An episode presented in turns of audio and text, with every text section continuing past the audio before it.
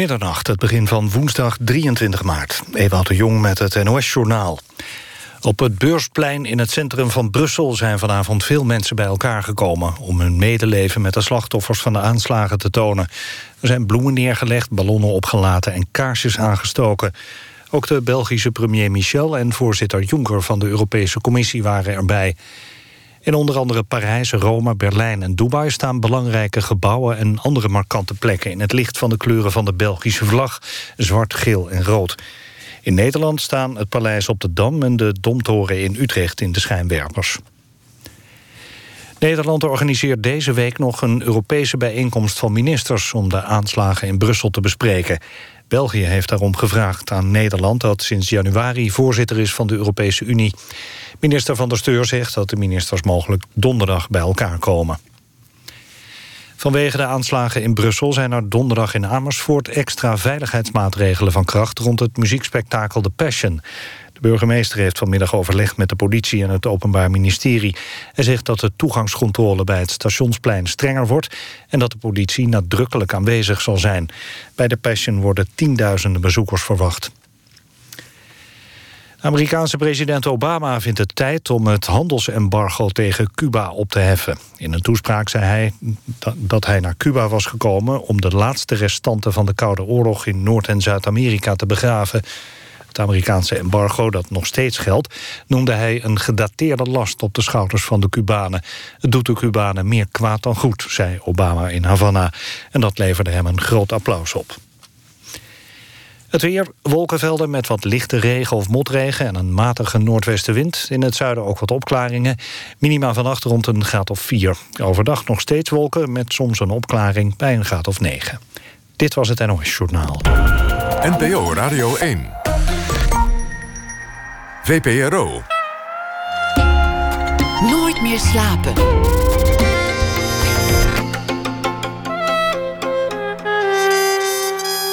Met Pieter van der Wielen. Goedenacht en welkom bij Nooit meer slapen. Over Brussel, het centrum van de macht en het broeinest van de jihad, gaat het na ene. Een televisieserie over die stad met de titel Brussel, geschreven door Leon de Winter, is in de maak. Gisteren begonnen ze met draaien in de stad Brussel en na ene aandacht voor wat er sindsdien is gebeurd.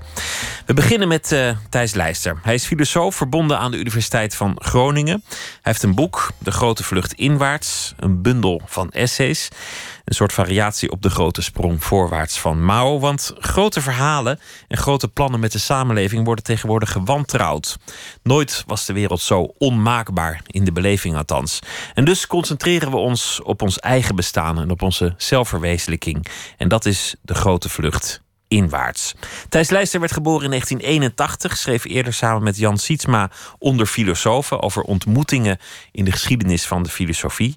Hij schreef ook uh, De kunst van de kritiek, won in 2009 de Vrij Nederland Essayprijs en in 2015 de Boekman Dissertatieprijs. En hij schrijft regelmatig voor uh, allerhande tijdschriften over kunst, cultuur, de maatschappij en de filosofie. Thijs Leister, hartelijk welkom. Bedankt. Laten we beginnen met uh, de dag van vandaag, de dag die achter ons ligt. Je, je staat in te checken bij een balie, je staat te wachten op de metro, je bent op weg naar je werk, een bom gaat af. Je kunt er niks tegen doen, je bent volmaakt machteloos.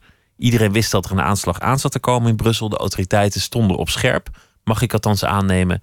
En toch hebben ze dit niet kunnen voorkomen. Dit kan iedereen gebeuren. Wat kun je als filosoof daar nog tegenover stellen? Uh, ja, het, het, het, is in, inderdaad iets, iets onvoorstelbaars en, en uh, iets verschrikkelijks natuurlijk. Hè. Ik, ik, ik sprak nog met een, met een vriend van mij die, die in België woont. Die zou morgen met het, met het vliegtuig vertrekken naar, naar Venetië. En in, in diezelfde vertrekhal staan. En dan gebeurt er in, één keer zoiets. En dat, dat, dat, is iets, dat is natuurlijk iets onvoorstelbaars en verschrikkelijks. Ja, wat je als filosoof eh, daar, daar tegenover kan, uh, kan uitrichten, is denk ik vooral het, het, het proberen te duiden. Wat, wat, in, in, wat voor tijd leven we, waar, waar dat terrorisme deel van uitmaakt. hoe moeten we dat begrijpen? En, en dus proberen eigenlijk die, die, die complexiteit van de wereld, om, om, om daar grip op te krijgen. Het gaat uiteindelijk over gedachten. Namelijk de gedachte dat je mensen moet opblazen omdat jouw ideaal beter is. Of misschien omdat je gelooft in een andere wereld. Of wat die mensen ook beweegt. Het gaat over onze manier van leven. Bijna een cliché geworden. Ik hoor dat vandaag uit vele monden door de radio komen. Onze manier van leven wordt bedreigd. Of we moeten vasthouden aan onze idealen, onze waarden. Dat gaat allemaal over, over filosofie eigenlijk. Over gedachten, over, over ideeën. Ja, nou ja, ik, ik heb inderdaad wel zo mijn, zo mijn twijfels bij die uh, uitspraak, inderdaad van onze manier van leven. Um, dat, dat werd toen ook al vaak gebezigd bij, uh, uh, bij de aanslagen in Parijs natuurlijk. En, en, en nu hoor je het weer veel. en ik weet nooit zo goed wat er precies mee bedoeld wordt. Hè? Want uiteindelijk is het een aanslag natuurlijk op mensen die staan in te checken bij een, bij een vliegveld. is, is dat onze manier van leven? Of bij een, een En, en wat, wat is die ons precies, die, die, die bedoeld wordt? Ik, bedoel, mensen over de hele wereld staan in te checken bij, bij vliegtuigbalies. Maar om, om even terug te komen bij wat je zei over dat verhaal, over die idealen. Dat is denk ik vooral het, het probleem van. Um, waar, die aanslagen een soort van symptoom van zijn. Dat, dat, het, het, het, zijn een soort, uh, het, het is een soort ultieme perverse manier om proberen zin te geven aan je leven. Of tegelijkertijd zin te geven aan je dood. Uh, dus, dus eigenlijk is het een, een soort uiting van totale zinloosheid... waarin blijkbaar deze figuren in zitten. En die zin die kan blijkbaar niet gevonden worden in de samenleving waar ze eigenlijk toe behoren, namelijk onze samenleving. Zin zou je, kunnen, eh, zou je het kunnen noemen. Je zou het ook kunnen noemen ontplooiing. Dat je mm -hmm. ertoe doet. Uh, een, een egotrip kan je het ook noemen. Dat je toch belangrijk bent. En als je niet belangrijk bent in de ogen van de een, dan word je het maar in de ogen van de ander.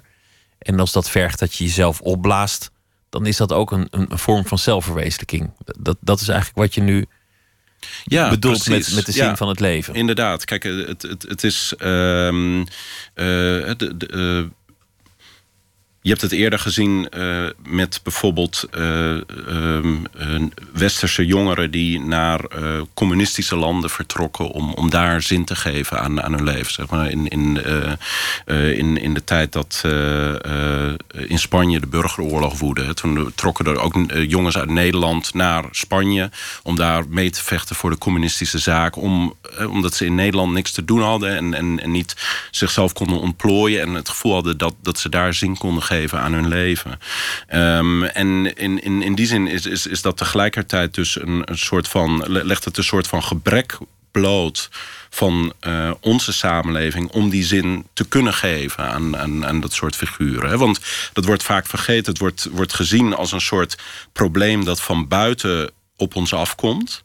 En onze directe reactie is dan: we moeten die buitenwereld buitensluiten. We grenzen moeten de grenzen dicht, dicht strenge controles. Uh, strenge controles.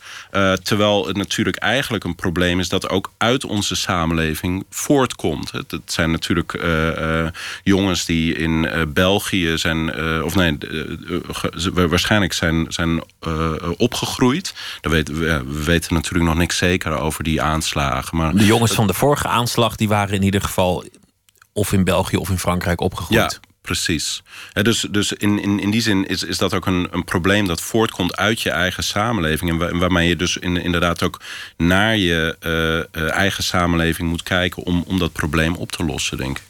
Vaak wordt dan gegrepen naar een, een, materiële oplossing. Dat valt me op bij veel deskundigen die zeggen: ja, het komt voort uit armoede, ja. het komt voort uit gebrek aan carrièrekansen. Wat als die jongens nou gewoon menen wat ze zeggen, namelijk dat ze niet geloven in de materiële wereld en dat ze geloven in een religieus ideaal. Dat het gewoon religieuze fanatici zijn. Kortom, het gaat om hun beleving van de islam. Het gaat hen om de Koran en het gaat hen niet om een mooie nieuwe auto of, of, een, of een rijtjeshuis of een of carrièrekans bij, uh, ja. bij nee, de Delhaize.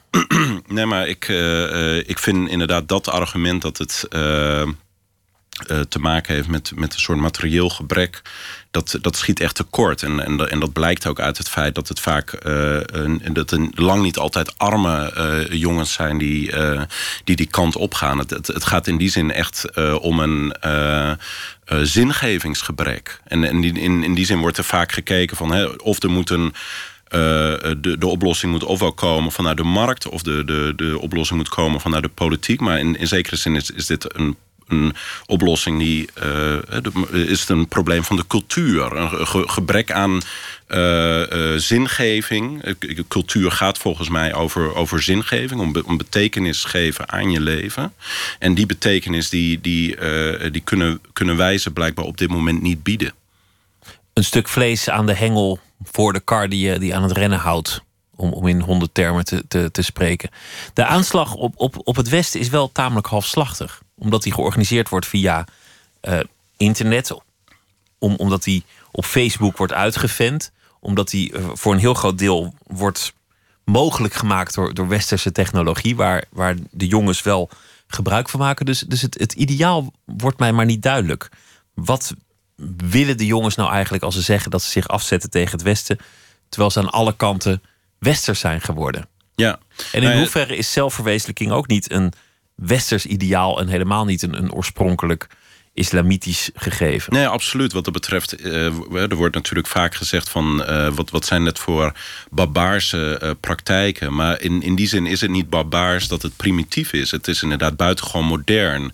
En, en, en het zijn vaak de, die, die jongens maken selfies met, met hun Kalasnikovs. En, en, en die, die laten snickers overkomen uit, uit Europa. Um, dus in, in die zin zijn ze, zijn ze al volledig verwesterd. En, en nou ja, wat je zegt, dat klopt denk ik ook. De noodzaak om, om die uh, betekenis aan je eigen leven te geven... Die, dat, dat is ook bij uitstek een, een, een westers fenomeen, denk ik. ik, ik uh, hoorde laatst ook iemand zeggen dat, dat die jihadisten die naar islamitische staat gaan... omdat ze het gevoel hebben dat ze iets moeten doen... dat dat eigenlijk dicht in de buurt komt bij de mensen die vorige zomer naar Griekenland gingen, omdat ze het gevoel hadden dat ze iets moesten doen. En dat, de, de, op jezelf betrekken van het wereldleven. Ja, precies. De, de, de, de, de oplossing is, is natuurlijk radicaal. Uh, de, de, richting die ze zoeken is natuurlijk radicaal verschillend. Dus ik wil die mensen ook absoluut niet uh, op, op één hoop gooien. Maar het is eenzelfde soort symptoom van dat je, uh, van dat je denkt: een betere wereld begint bij jezelf. En je moet het zelf doen, want kennelijk is, zit er ook een gebrek aan vertrouwen in de publieke ruimte in. Dat je, dat je iemand anders kunt sturen. Via de politiek bijvoorbeeld. In de democratie ga je stemmen op een partij en die stuurt iemand naar Griekenland om de vluchtelingen te helpen. Of je stemt op een partij die helpt om jouw islamitisch ideaal te verwezenlijken. Ja. Je hoeft het niet zelf te doen. Nee, precies. Het, het, het is in, in zekere zin een, vorm van depolitisering. Uh, en uh, de, de, de, dus, dus het, het idee dat je voor uh, allerlei hele complexe problemen die uh, in je samenleving spelen of die in de wereld spelen, uh, dat je het, het, het gevoel krijgt dat je dat vanuit je eigen persoon en in je eigen leefomgeving, dat je daar een individuele verantwoordelijkheid voor, voor draagt en, en, en, dat je dat zelf moet oplossen. En dat is natuurlijk een, een soort van ideologie die ons ook de, de heel erg ingeramd is zelfverwezenlijking, um, het zelf als, als uiting van je idealen. Mm Leef naar je idealen, word je idealen, werk naar je idealen. Kortom, maak een, een volledig product van jezelf. Ja, precies. We, we, zijn, we worden allemaal ondernemers van onszelf. En, en uh, uh, we zijn voortdurend onszelf aan het, uh, aan het verkopen en onszelf aan het, aan het verbeteren. Um, en de, een van de essays in het boek gaat ook over de totaalmens. Uh, dat, dat is een, een nieuw soort mens die ik, uh, die ik daar definieer. Geïnspireerd op Louis van Gaal eigenlijk. Louis van Gaal die had het over zijn principe van de totale mens. Namelijk dat hij niet alleen naar de voetballer op het veld kijkt. Maar ook naar de mens buiten het veld. dus daarom zei hij van... Hè, dan mogen de voetballers hun vrouwen meenemen naar het toernooi. En hun kinderen. omdat als ze gelukkig zijn dan presteren ze ook beter op het veld. Uh, en dus die totale mens zijn we denk ik uh, steeds meer uh, allemaal geworden. Omdat we alles in ons leven eigenlijk ten dienst stellen van een grotere productiviteit, als het ware. Van een, van een beter presteren, van een hoger scoren dat is de essentie van, van, van het boek, de, de vlucht inwaarts. Het gaat allemaal om het zelf. Het gaat niet meer om de publieke ruimte. Het gaat niet om, om iets anders dat niet over jezelf gaat. Het zelf is altijd aanwezig. Je bent ook jezelf op, op de werkvloer bijvoorbeeld. En je bent diezelfde zelf thuis. Kortom, alles draait om dat zelf. En dat draait volgens het boek uiteindelijk om de productiviteit. Om, om, Mhm. om de economie. Waar we mee begonnen, eh, de machteloosheid. Want de, de vluchtelingencrisis kwam al zijdelings voorbij.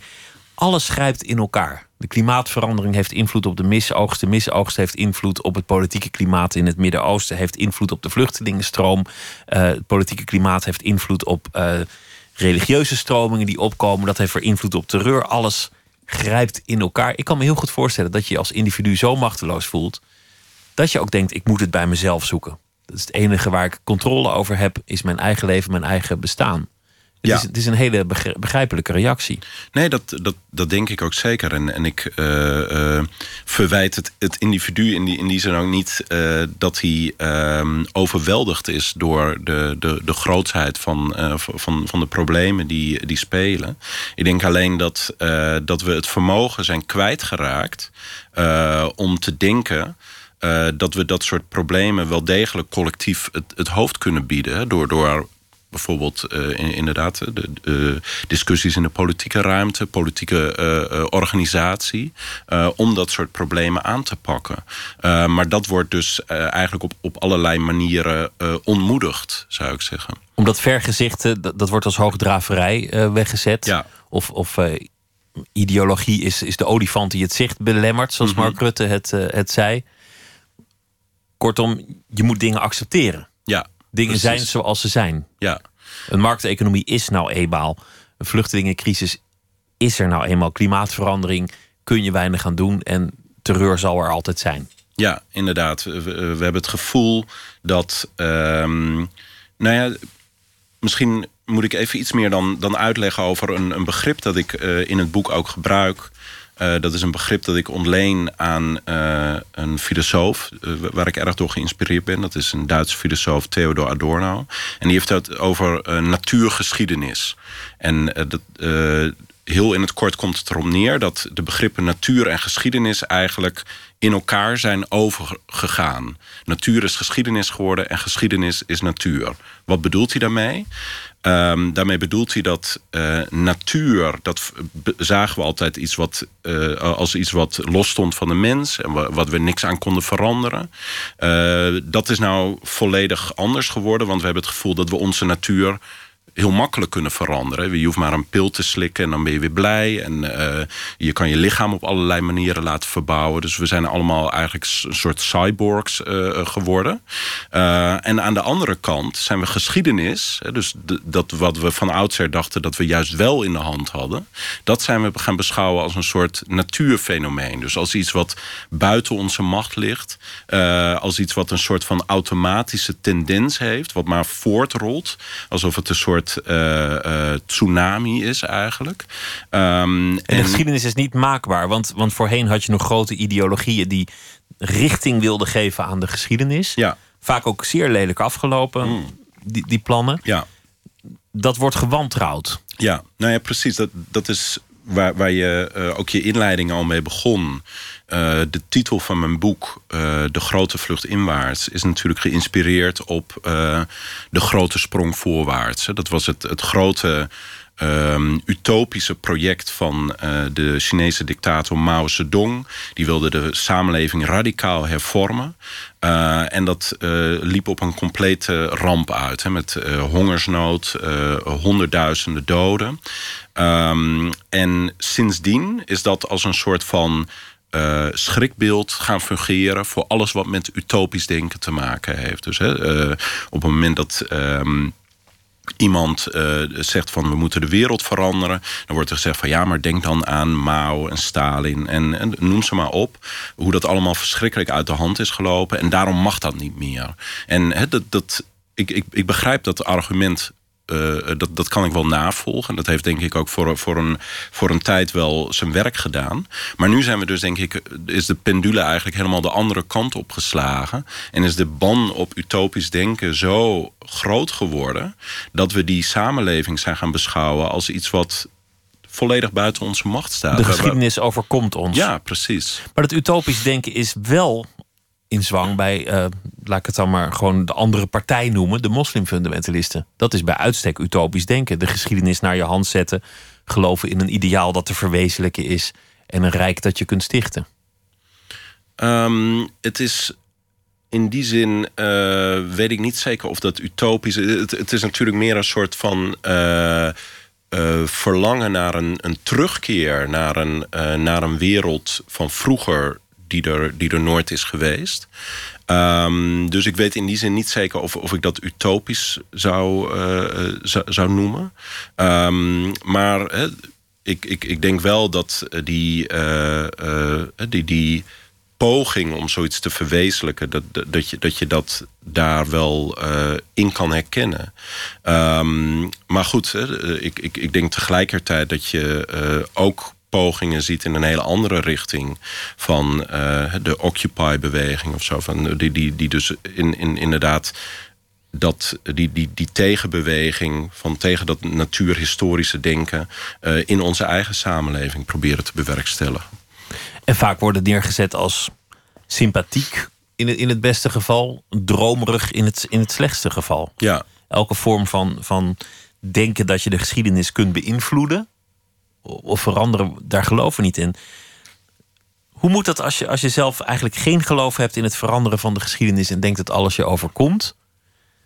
Als je geconfronteerd wordt met, met partijen die jou bestrijden, die, die wel een hele sterke overtuiging hebben. Ja, nou ja dat, dat is inderdaad het probleem uh, waar al regelmatig ook door anderen op, op gewezen is, dat, is, is, is dat we in die zin niet echt uh, uh, idealen hebben om daar tegenover te plaatsen. Of, of althans, we, we, we, we zijn soms ook vergeten om, om die idealen te, te articuleren. en dat heeft denk ik ook te maken met die banden op dat utopische denken. Ik, ik ben zelf ik, ik, begon filosofie te studeren in, in het jaar 2000. En toen was het, het postmodernisme in, in zwang. En het postmodernisme was, het kun je heel kort samenvatten met een uitspraak van een Franse filosoof, Lyotard, als het ongeloof in de grote verhalen. dus inderdaad, waar we het net over hadden, al die grote verhalen. Het einde van de geschiedenis heette dat toen. En, ja. Dus al, al die grote verhalen van het marxisme en het liberalisme en uh, nou ja, noem maar op. Uh, ook het christendom, dat, dat, dat is allemaal, uh, zijn allemaal vormen van totalitair denken. En, en daar, ja, daar moeten we een, streep achter zetten. en daar kunnen we niks meer mee. maar tegelijkertijd was ik, ik ben dus helemaal eigenlijk doodgegooid met het postmodernisme tijdens mijn, tijdens mijn studie. En ik voelde daar zelf altijd een soort onvrede mee. Uh, in die zin dat het een door en door tandeloze uh, filosofie was eigenlijk. Het, het, het, het, was een filosofie waarmee je niet in staat was om, uh, om kritiek te beoefenen. Omdat dat de waarheid eigenlijk niet bestond. Ja, precies. Het, het, het, was een soort relativisme, een, een ironie. Um, waarbij je eigenlijk geen poot had om op te staan. Uh, ieder, iedere positie die innam, die, uh, dat, dat, dat was een tijdelijke of, of een. Uh, die, die kon je niet verantwoorden. Um, en daardoor had je in, inderdaad ook geen instrumenten om daadwerkelijk kritiek te bedrijven. Dus, dus in die zin was dat ook een, een soort van depolitisering van de filosofie zelf. Depolitisering, een woord dat, dat regelmatig terugkomt. We gaan luisteren naar de Schotse band Primal Scream. Die hebben een uh, nieuw elfde album. Chaos Moses heet het. En we gaan luisteren naar I Can Change.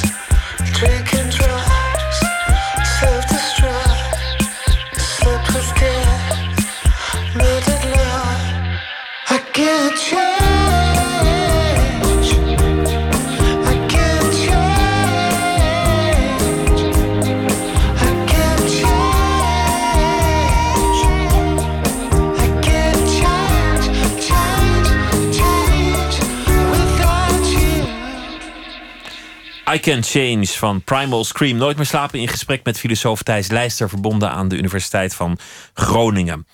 Ik hoor je nu al een tijdje dingen vertellen... maar weet eigenlijk nog heel weinig over uh, de man zelf... en waar die gedachten vandaan komen... en wat jou eigenlijk typeert als filosoof. Geboren in 1981, afkomstig uit Drenthe... en trots op de Drentse afkomst. Iets dat je koestert. Je hebt ook altijd contact gehouden met je vroegere Drentse vrienden... heb ik me laten vertellen. Ja. Voel je een Drent? um, ik, ik, weet niet of ik me echt een Drent voel. Ik, ik voel me wel uh, een Noorderling. Ik, uh, ik, ik heb af, uh, achtereenvolgens eerst in Drenthe, daarna bijna 15 jaar in Groningen en nu sinds kort in, in, in Zwolle gewoond. dus wat dat betreft ben ik wel, ben ik toch wel ehm, aan het noorden gebonden. Um, ja. Je, je hecht ook aan een positie van buitenstaanderschap in een bepaald opzicht. Klopt dat? Nou, zo voel ik me vaak wel. Uh, en in meerdere opzichten ook. Uh, ik, ik, ik, voel me een, een buitenstaander in, inderdaad uh, regelmatig als ik voor allerlei debatten of vergaderingen in, in de Randstad kom. Dan, dan, dan voel je inderdaad als, als Noorderling vaak toch wel een beetje buitenstaander. Terwijl, terwijl als je een beetje doortrapt is het een uurtje rijden. Ja, nee, absoluut. Het, het is hartstikke dichtbij. En, en, en uh, vaak is het voor Amsterdammers vooral zo van... kom je helemaal uit Groningen? Maar dat zeggen uh, Amsterdammers ook tegen iemand uit Hoofddorp. Kom je helemaal uit Hoofddorp? ja, ja, nee, absoluut. Um, nee, dus wat dat betreft stel die afstand ook uh, echt totaal niks voor. Um, en, en, maar ik voel me ook vaak wel een buitenstaander op het disciplinair gebied. Ik, ik, ik ben eigenlijk vanuit de filosofie... Uh, richting, de, richting de kunstkritiek ook gegaan. En ik geef tegenwoordig ook les, niet meer aan een filosofiefaculteit, maar aan een letterenfaculteit bij de opleiding Kunsten, Cultuur en Media. Um, dat is een hele interdisciplinaire groep met sociologen en film, uh, mensen die zich met filmstudies bezighouden, theaterwetenschappen, et cetera. En ook daar voel ik me dus in, in die zin een beetje een buitenstaander. Je komt niet echt uit de kunst, je komt uit de filosofie, maar je houdt je niet echt bezig met, met de gewone filosofie, het, het werk van Hegel of, of Nietzsche zozeer, maar met die culturele filosofie. Ja, nou ja, ik, ik heb altijd zelf het, het belangrijk gevonden om meerdere uh, registers uh, te bespelen en meerdere publieken te dienen.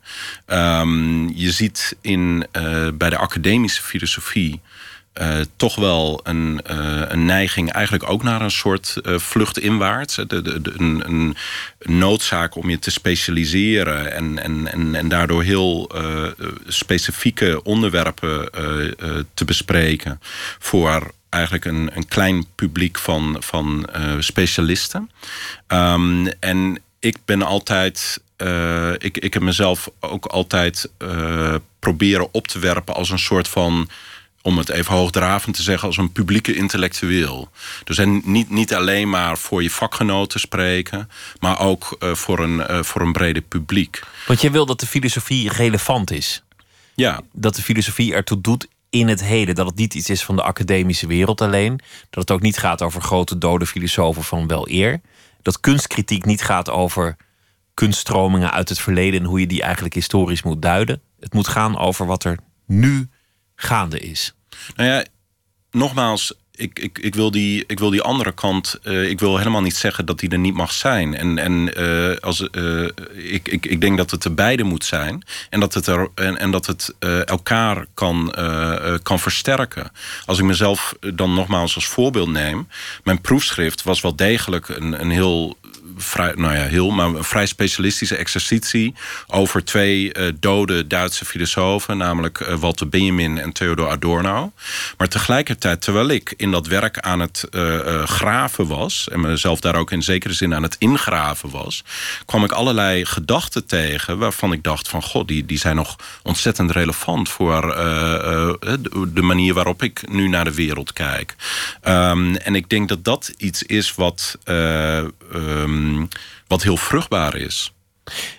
Je haalt uh, Marx aan. Je, je zet je af tegen de, de marktwerking die alles depolitiseert en alles tot een markt maakt. De kunst is een markt, de wetenschap is een markt, ons eigen leven is, is een markt.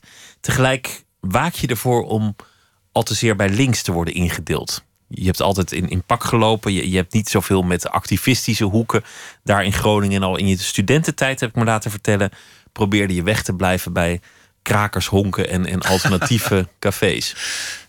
Ik weet niet precies door wie je hebt laten inlichten. Nou, dat over dat pak, dat klopt zeker. Uh, dat, dat ik inderdaad als, als, als student uh, vaak samen met een medestudent uh, inderdaad in, in, in pak rondliep. Dat was eigenlijk ook een soort van statement natuurlijk juist naar al onze docent-filosofen die juist er zo zoveel mogelijk bij wilden lopen doorgaans. Van de vorige generatie eigenlijk. Um, um, maar ik heb niet per se een, een aversie tegen links. Nee, absoluut niet. En, en uh, ik, ik zat vorige week nog in een debat bij eh, Felix en Sophie bij, in, in Amsterdam, uh, getiteld De Nieuwe Linkse Filosofie. Uh, waarmee ik me ook wel kan, kan identificeren. Um, Nee, dus, dus dat, dat, dat herken ik niet, uh, niet per se. Ze mogen je gewoon links noemen, maar je, wil wel gewoon in een, in een mooi pak. Ja, waarom nou, niet? Ja, waarom, niet? Waarom ook niet?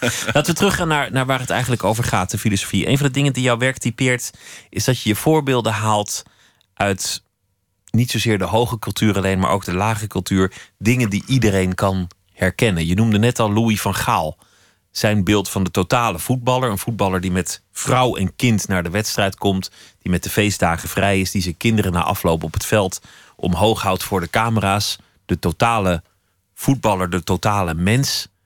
Dat neem jij als vertrekpunt voor een essay over hoe we allemaal eigenlijk een totaal mens zijn geworden. Hoe we allemaal volledig alles in dienst stellen van de zelfverwezenlijking. Maar dat we die zelfverwezenlijking moeten wantrouwen. Even terug naar dat punt. Waarom moet je dat eigenlijk wantrouwen? Wat is er mis met zelfverwezenlijking?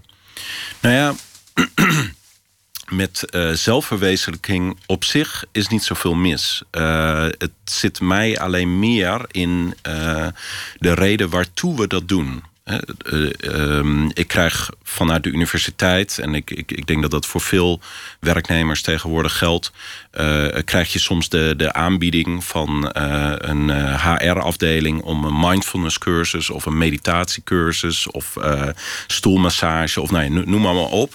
En ik moet dan zelf altijd denken van goh, vind mijn werkgever mij nou zo uh, uh, aardig dat hij mij deze mindfulness cursus aanbiedt uh, voor, mijn, voor mijn gezondheid? Of zit daar iets in van, zolang de werk, werknemer zichzelf kan verwezenlijken en in de, inderdaad um, spiritueel bezig is, dan is dat uiteindelijk ook goed voor de productiviteit. Eigenlijk is Google daar een, een uitstekend voorbeeld van. die zijn een uh, vaak al uitgeroepen tot de beste werkgever ter wereld. Waarom? Omdat je je hond mee mag nemen naar het werk en omdat er een glijbaan is en een ballenbak en je kan volleyballen en, en, je hebt eigenlijk hoef je je hele leven hoef je niet dat Googleplex, dat zo heet dat hoofdkantoor, daar zou je bij wijze van spreken je hele leven niet afhoeven. Um, en dat is natuurlijk hartstikke leuk voor die werknemers daar. Uh, maar tegelijkertijd zit er een soort van totale absorptie in, van een, een, een, totale assimilatie van die mens door het uh, productiesysteem. En, dat, en dat, vind ik het kwalijke ervan. Je valt samen met je werk en je werk valt samen met jou. En je leven valt ook samen met je werk. Kortom, langzaamaan slopt dat slorpt dat werk je hele bestaan op. Ja, precies. Het, het gevoel ook dat, uh, dat veel mensen, denk ik, uh, uh, hebben om, om altijd aan te moeten staan. die, die, we, zijn natuurlijk heel blij vaak met de flexibilisering van, van werk. Dat je niet meer van 9 tot 5 op een kantoor hoeft te zitten. Er, er zitten natuurlijk veel nadelen aan. Maar die flexibilisering die heeft inderdaad ook als gevolg gehad dat mensen het gevoel hebben dat ze eigenlijk op ieder moment moeten kunnen klaarstaan. Maar volgens mij vinden heel veel mensen het gewoon heel leuk om te werken. Zijn ze, zijn ze heel blij om zich te kunnen ontplooien op hun werk? Zijn ze trots op wat ze daar doen? Ontlenen ze status en, en identiteit aan hun ja. werk? En volgens mij zijn, zijn de meeste werknemers niet zo heel erg uren aan het tellen als de linkse politiek wel eens doet geloven. Nee, maar, maar dat, dat denk ik ook zeker. Ik, ik, ik bedoel, wat dat betreft zijn we daar ook uh, wat dat betreft wel door ingepakt, zou je kunnen zeggen. Um, en ik, ik denk dat dat ook voor een hele lange tijd goed kan gaan. Dat je uh, die voldoening kan vinden uh, in je werk. Alleen het probleem doet zich natuurlijk ook voor dat op het moment dat het dan even bijvoorbeeld niet uh, goed gaat op je werk. Op het moment dat je bijvoorbeeld niet uh, meer in de lift zit, zoals dat heet. Of als je um, se, nog je ontslagen wordt. Dat je dan in een soort totale staat van, van existentiële crisis geraakt. Een gevoel van zinloosheid. Um, om, omdat het, dat inderdaad alles is wat je hebt. Daar is je bestaan op, op gericht. Je noemde net al de depolitisering van veel omgevingen. Jij werkt zelf aan de universiteit. Je wil een publieke intellectueel zijn. Je wil je uiten in de publieke ruimte. En je wil eigenlijk ook dat de universiteit jou daarin faciliteert. In Groningen ben je een van de wetenschappers die min of meer in opstand is gekomen tegen de heersende managementcultuur aan die universiteit. Wat, wat is er mis? Nou ja, um, uh, dat uh, is natuurlijk voortgekomen. Uh, dat, dat speelde vorig jaar. Uh, naar aanleiding van de Maagdenhuisbezetting aan de Universiteit van Amsterdam.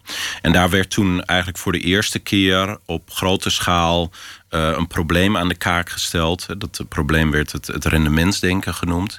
Uh, en dat was eigenlijk een soort van verzamelnaam voor een aantal problemen die speelden. Het, de, de gedachte dat uh, studenten zo, zo gauw mogelijk door hun studie gejaagd moeten worden, zodat, ze, zodat de studie efficiënt is en uiteindelijk iets zo snel mogelijk een diploma oplevert.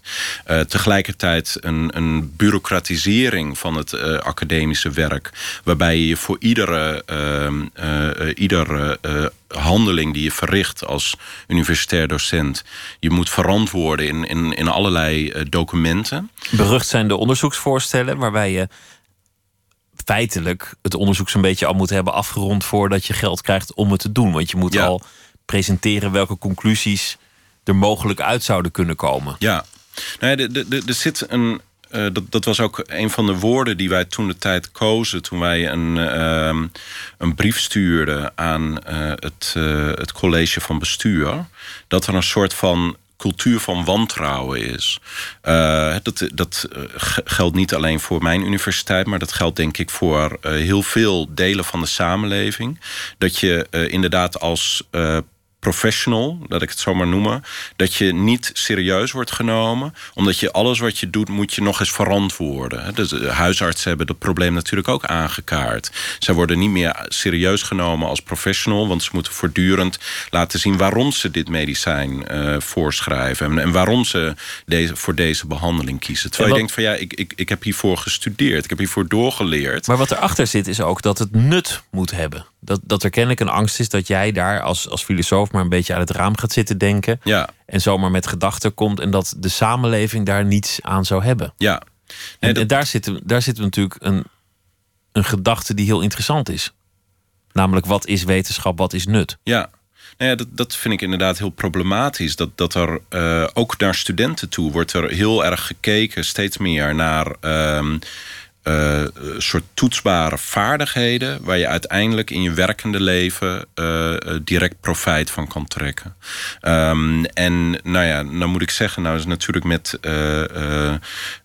de de huidige minister van, van OCW, die, die heeft de term Bildung wel weer in de mond genomen. Daar ben ik heel blij om. Ehm, ik heb nog niet direct het gevoel dat dat ook in beleid uh, wordt, uh, wordt omgezet. Althans, ik, ik heb nog steeds wel het gevoel dat, dat het heel erg op dat, uh, op dat nutsdenken gericht is. Of valorisatie, zoals het, zoals het soms genoemd wordt. en, en dat vind ik inderdaad heel problematisch. Dat, dat, dat, dat die noodzaak van efficiency en, en uh, het, het verantwoorden van alles uh, en het, uh, het aantonen van de output, dat dat ook in die universitaire wereld heel sterk is doorgedrongen. Resumerend een aantal dingen die je nu hebt gezegd, namelijk de universiteit is in de ban van het nutsdenken. Je moet je als professional verantwoorden, want alles moet kennelijk zin hebben het zelf is centraal komen te staan. Het veranderen van de geschiedenis is vergeten. De grote verhalen, die laten we achter ons. Daar geloven we niet in. Het enige wat daar tegenover is komen te staan, het verwezenlijken van jezelf. Dat wantrouw je, want jij zegt uiteindelijk valt het ook samen met het werk, met, met maatschappelijke status. En dat is weer in dienst van iemand die winst wil maken. Alle plekken waar de publieke ruimte nog heerst, de universiteit bijvoorbeeld, of de media of de kunst, kun je ook noemen, mhm. die zijn allemaal aan het publieke ontrokken. Die zijn geprivatiseerd, als het ware. Die staan ook in dienst van dat ene, de markt. Dat, mhm. dat, dat grote onzichtbare ideaal. Ja. Zo zou, zo zou ik het ongeveer samen kunnen vatten. Ja, nee, en, en, en de, de link daartussen, het, tussen die verschillende dingen, is, is zoals je, uh, je, je noemde al de term uh, privatiseren.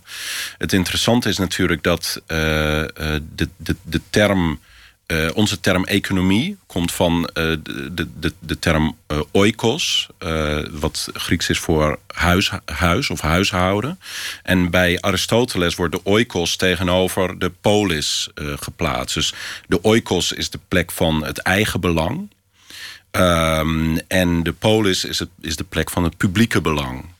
Uh, en ik heb inderdaad het idee dat we steeds meer als het ware in die oikos zijn gegaan. En dan bedoel ik dus zowel het, letterlijk het eigen huishouden, maar ook inderdaad de, de, de plek van eh, private belangen. Dus privé en privaat komt kom daar eigenlijk samen. En die polis, die hebben we eigenlijk laten, uh, laten verschalen, zou je kunnen zeggen. Dus de, de, de notie van het, van het algemene belang en een, een soort algemene richting die, die, die, we, die, die we collectief zouden, zouden moeten kiezen of, of zouden kunnen kiezen. Dat, dat zijn we uit het oog verloren. Tegelijk blijkt uit alle onderzoeken dat, dat de mensheid nog nooit zo gelukkig was, althans in Nederland. Dat mensen zich helemaal kapot genieten en dat iedereen een, een uitmuntende acht voor zijn tevredenheid in het, in het bestaan ja, dat, dat, dat, is, dat is de paradox vaak die, die ik ook in de inleiding van het boek aanhaal. Dat, uh, die, die, die een beetje doet denken aan uh, Frits van Echters uit, uh, uit de avonden. Die, die zegt van het gaat slecht, maar verder gaat alles goed. dat, dat is vaak ook wat je ziet in die, in die geluksonderzoeken. Dat mensen in, in Nederland inderdaad hun, hun eigen leven dan een, een goed cijfer geven. Maar hoe het met de wereld gaat, daar geven ze een heel slecht cijfer voor. En, en er zit dus blijkbaar een, een enorm gat uh, tussen hoe je over je eigen leven denkt en, en hoe je denkt dat je daarin uh, dat, dat, dat geluk kan, uh, kan verwerkelijken. En die, die buitenwereld die je ziet als iets wat ja, eigenlijk buiten, inderdaad een buitenwereld is. Waar, waar, die, die volledig buiten je macht staat. En, en, en ook steeds het... vijandiger wordt. Ja, precies. Ja, de, de, de, de, de, de gedachte dat alles naar, naar, naar de ratsmodee gaat, dat, dat, dat, dat zie je bij veel mensen. En, en, en ergens zit daar bijna zelfs een soort van soms zie je er, er, zelfs een soort van verlustige uh, daarin. Ik, ik noem dat in het boek ergens catastrofilie.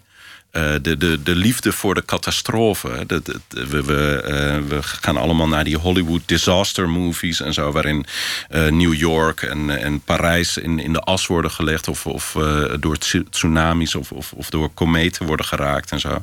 En er zit, daar, daar zit bijna een soort van verlangen naar het einde der tijden in. Van, hè? Dan, dan, dan, is het, dan hebben we dat in, in, in elk geval maar gehad. het is ook gewoon een spannende, spannende film natuurlijk. Ja, nee, ja, absoluut. Je, weg van de grote verhalen en daartegenover stel je dan de sterke verhalen. Als we dan niet meer de grote verhalen geloven, laten we dan maar gewoon elkaar sterke verhalen vertellen. Wat bedoel je daarmee? Ja, naar sterke verhalen. Dat is een, een term die ik heb uh, ontleend aan uh, René Boomkens. Dat is een, een cultuurfilosoof die mijn scriptie begeleidde ooit... en, en daarna mijn promotor was aan, in, in, Groningen. en intussen een, een, hele goede vriend geworden. Um, en die heeft ooit bedacht, en, naar aanleiding van wat ik al eerder noemde... dat het postmodernisme het einde van de grote verhalen afkondigt... dat hij zei van ja, dan, dan moeten we maar sterke verhalen vertellen. En, en een sterk verhaal, dat klinkt natuurlijk uh, vaak... dat wordt vaak in negatieve zin gebruikt. Van uh, visserslatijn. Uh, een, een sterk verhaal is, is, is onzin of, of is, is overdreven. Maar hij, hij en ik ook probeer daar juist een, een positieve draai aan te geven. Dat het ook een sterk verhaal kan zijn in, in, in die zin dat het een bepaalde kracht kan hebben om je op een andere manier naar de wereld te laten kijken. Dus voor mij is een sterk verhaal uh, inderdaad een, een verhaal waarbij je, wat, wat verteld wordt over de samenleving, over de wereld, over de geschiedenis, die je um, uitnodigt of uitdaagt om de wereld in één keer op een totaal andere manier te bekijken. En het, en het uh, gewin daarin voor mij is dat je daarmee de wereld zoals die is... niet meer als vanzelfsprekend beschouwt. Want dat is dus het probleem wat ik zie met uh, dat uh, einde van de maakbaarheid. Het, het idee, idee, dat we de wereld beschouwen als iets wat van, vanzelfsprekend is zoals die is. Een gegeven. Ja, en, en door dat sterke verhaal te vertellen... doe je als het ware een soort van kunstmatig stapje buiten de wereld... Um, waardoor je die wereld op een andere manier kan bekijken. Wat zou een voorbeeld kunnen zijn van zo'n zo'n sterk verhaal? Waar, waar, vind jij ze? Waar vind je nu aanwijzingen waarvan je zegt: goh, ja, dat, dat is nou echt een sterk verhaal dat mij de wereld anders doet zien? Ja, nou ja, ik, ik, ik denk dat ik twee. Um, voorbeelden kan noemen. En, en in de eerste voorbeeld, en, en, dat klinkt misschien heel raar, maar dat zijn mijn eigen essays. Dat, dat, dat zeg ik niet om, om, uh, om mezelf op de borst te kloppen, maar dat, dat zeg ik ook omdat er in die zin een soort van zelfreflexiviteit zit in die notie van het sterke verhaal wat ik bespreek. Dat doet me denken aan Hegel, die dan eh, de culminatie van de verlichting in de geschiedenis, dat vond hij Hegel zelf. Ja, precies. Ja, nou ja, zo, zo zie ik ook de culminatie van de geschiedenis uh, in, in mijn eigen werk. Nou ja, dat natuurlijk niet. Maar wat ik inderdaad in die essays probeer te doen, uh, is inderdaad steeds de geschiedenis herschrijven eigenlijk. Vanuit, uh, vanuit het heden. Uh, en, en daarmee de, de, de lezer als het ware uit te nodigen... om op een hele andere manier naar die wereld te, te gaan kijken. Uh, dat essay over de totaalmens bijvoorbeeld, waar we het net over hadden... dat was afgelopen weekend heeft daar een, een voorpublicatie van op de correspondent gestaan. Nou ja, daar wordt dan, daaronder wordt er altijd gereageerd door mensen. En er waren een aantal mensen die zeiden van... nou, dat is wel wat overdreven. En, een beetje hysterisch gebrul. nou ja, op, op die manier. En dat, dat is in zekere zin natuurlijk ook. Maar dat is ook wat het een sterk verhaal maakt. Ik, ik bedoel, het, die essays die zijn vaak bewust nogal zwaar aangezet. Ook om je de wereld inderdaad op een, op een andere manier te laten bekijken. Nou, en het, het, tweede voorbeeld wat ik wou noemen... dat is een, een, een kunstproject wat ik in een van de essays bespreek... van uh, de kunstenaar uh, Joep van Lieshout. Of eigenlijk van zijn collectief atelier van Lieshout. dat is het project Slave City waarin hij het heeft over een soort van concentratiekamp annex uh, callcenter. Waarin dus allerlei slaven uh, de hele dag uh, bezig zijn om nou ja, in een callcenter te werken. En daarnaast kunnen ze dan allerlei ontspanningsactiviteiten gaan doen. En als ze niet meer productief genoeg zijn, dan worden ze verwerkt tot biogas of tot voedsel. Want alles heeft nut. De, de uitwerpselen wordt energie van gemaakt. De, de bewegingen van het ontspannen, daar zit een dynamo aan. Nou, ga zo maar door. Ja niks is nutteloos. Nee, precies. Hè. Er is ook een bordeel in, in, de, in het concentratiekamp. En dat wordt ook een uh, motivation complex genoemd. Dus met, met, precies dat idee van dat uh, zelfs dat bezoek aan de, de, de prostituee... Is uiteindelijk een, heeft uiteindelijk tot doel om je de volgende dag weer nog beter te laten werken. En dat, dus, dat is dan een, een kunstwerk, een, een stellage waarvan jij zegt: dit, dit doet je anders kijken. Dit, dit zijn sterke verhalen die ons weer richting geven. En uiteindelijk, want, want daar begonnen we mee, ook weer duidelijk maken wat nou eigenlijk de, de grondslagen zijn van het bestaan. Wat de, de, de zingeving is van dat bestaan. Wat nou uiteindelijk de richting is van het leven.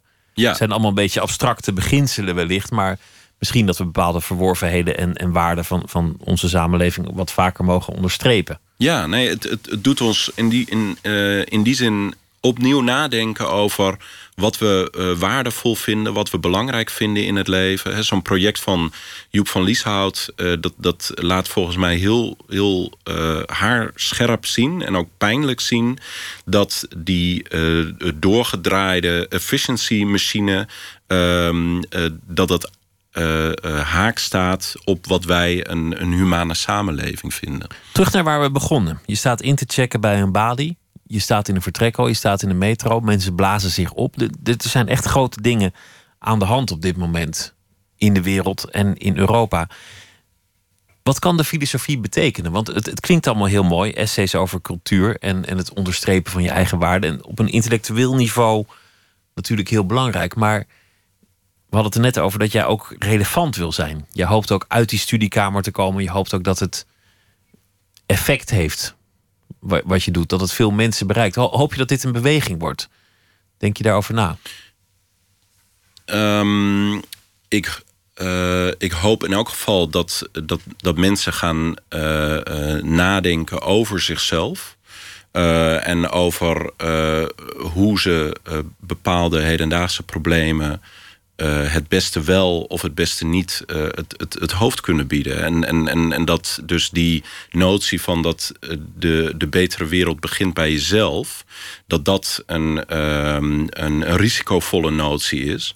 En, en dat het dus inderdaad aankomt op, op, op collectief handelen en, en, en op collectieve actie. En, en hoe die actie hoe, hoe dat collectieve handelen precies gestalte krijgt, dat is denk ik heel erg uh, afhankelijk van een bepaalde context. Dat zal anders zijn in een um, uh, universitaire wereld en anders zijn in een, uh, in, in, een politieke constellatie. en ik weet ook niet zeker of ik als filosoof nou even moet gaan zeggen hoe en of mensen moeten gaan, gaan reageren daarop. Maar wat jij um, zegt is, is terug naar het politieke terug naar de politiek, terug, naar het totale. Niet denken, dit, dit is zo complex, hier heb je toch geen greep op. En, en terug naar het publieke debat. Ja. En, en dat ook weer echt ergens over laten gaan. Ja, precies. Um, uh, ja, een, een, in die zin ook weer een ideologisch debat. Je, je, je ziet natuurlijk dat, dat het daar vaak aan, uh, aan ontbreekt. Juist in, uh, in, in, in Nederland ook. Dat er vaak heel erg pragmatisch wordt gedacht van... Hè, we hebben dit probleem, hoe gaan we dat het hoofd bieden... en moeten we zoveel vluchtelingen binnenlaten of zoveel. maar, maar er wordt niet nagedacht op een, op een meer ideologisch, principieel niveau... Dus voorbij het praktische alledaagse vinden van een oplossing, de logistiek. En eerst eens nadenken over wat eigenlijk de, de idealen zijn waar volgens de oplossing gevonden zou moeten worden. Ja, precies. De grote vlucht inwaarts heet het boek. Essays over cultuur in een onoverzichtelijke wereld. Thijs Leister, dank je wel. Graag gedaan. Het is uh, gebaseerd op een Peruviaans volksliedje uit de 18e eeuw. In 1970 werd het bekend als een grote hit van Simon en Garfunkel. En dit keer gezongen door de gezusters Wainwright. El Condor Pasa.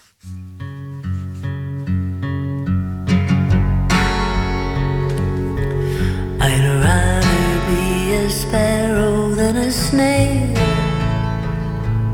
Yes, I if I could.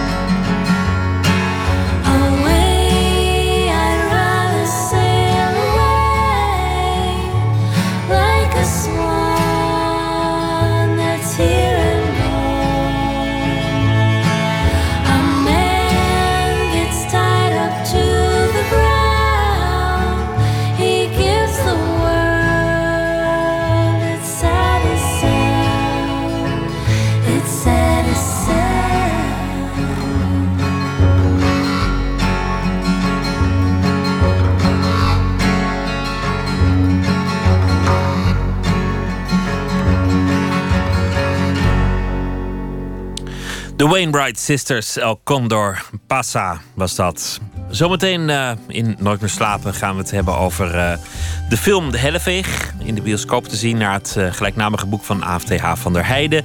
Een gesprek met de regisseur en hoofdrolspeelster Hanna Hoekstra. Peter Faber komt op bezoek naar aanleiding van de Matthäus Passie. Een door Jan Rot vertelde, vertaalde versie van de Matthäus Passion. En hij is de verteller. En Daniel D. zal de voorbije dag samenvatten in proza. Dat allemaal zometeen. Twitter, het VPRO NMS of uh, Facebook. Daar zitten we ook op. En u kunt ons podcasten via de website van de VPRO, vpro.nl slash nooit meer slapen. Of via iTunes.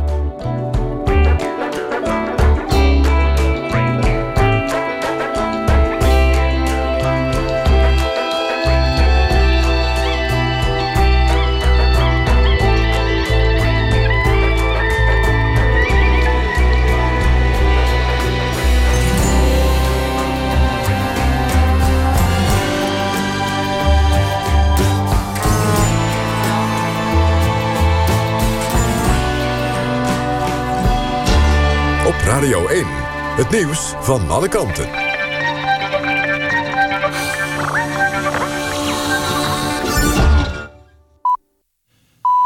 1 uur, Ewout de Jong met het NOS-journaal. De Belgische politie is nog altijd bezig met huiszoekingen... in de Brusselse wijk Schaarbeek. Een deel van de wijk is afgezet... en bewoners kunnen voorlopig nog niet terug naar huis. Er vliegt een helikopter over de wijk... en hulpdiensten rijden af en aan.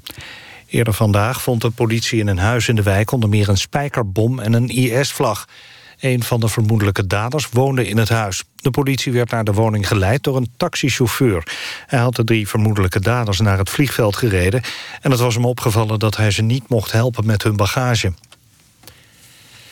België gaat met grote overtuiging verder met de strijd tegen terrorisme. Dat heeft de Belgische minister Jan Bon van Veiligheid en Binnenlandse Zaken gezegd... tijdens een waken in Brussel. Hij zegt dat hij de rotvaste overtuiging heeft... dat het ondermijnen van de westerse samenleving niet gaat lukken. Volgens minister Jan Wol wordt het openbare leven in Brussel... zo snel mogelijk hervat. Vanwege de aanslagen in Brussel zijn er donderdag in Amersfoort extra veiligheidsmaatregelen van kracht rond het muziekspektakel The Passion. De burgemeester heeft de afgelopen middag overlegd met de politie en het Openbaar Ministerie. Hij zegt dat de toegangscontrole bij het stationsplein strenger wordt en dat de politie nadrukkelijk aanwezig zal zijn. Bij de Passion worden in Amersfoort tienduizenden bezoekers verwacht. Amerikaanse president Obama vindt het tijd om het Amerikaanse handelsembargo tegen Cuba op te heffen. In een toespraak zei hij dat hij naar Cuba was gekomen om de laatste restanten van de Koude Oorlog in Noord- en Zuid-Amerika te begraven. Het embargo dat nog steeds geldt noemde hij een gedateerde last op de schouders van de Cubanen. Het doet de Cubanen meer kwaad dan goed, zei Obama in Havana. En dat leverde hem een groot applaus op. Het weer, wolkenvelden met wat lichte regen of motregen... en een matige noordwestenwind. In het zuiden ook wat opklaringen. Minima vannacht rond een graad of 4. Ja, overdag nog steeds wolken met soms een opklaring bij zo'n 9 graden. Dit was het NOS Journaal. NPO Radio 1. VPRO. Nooit meer slapen.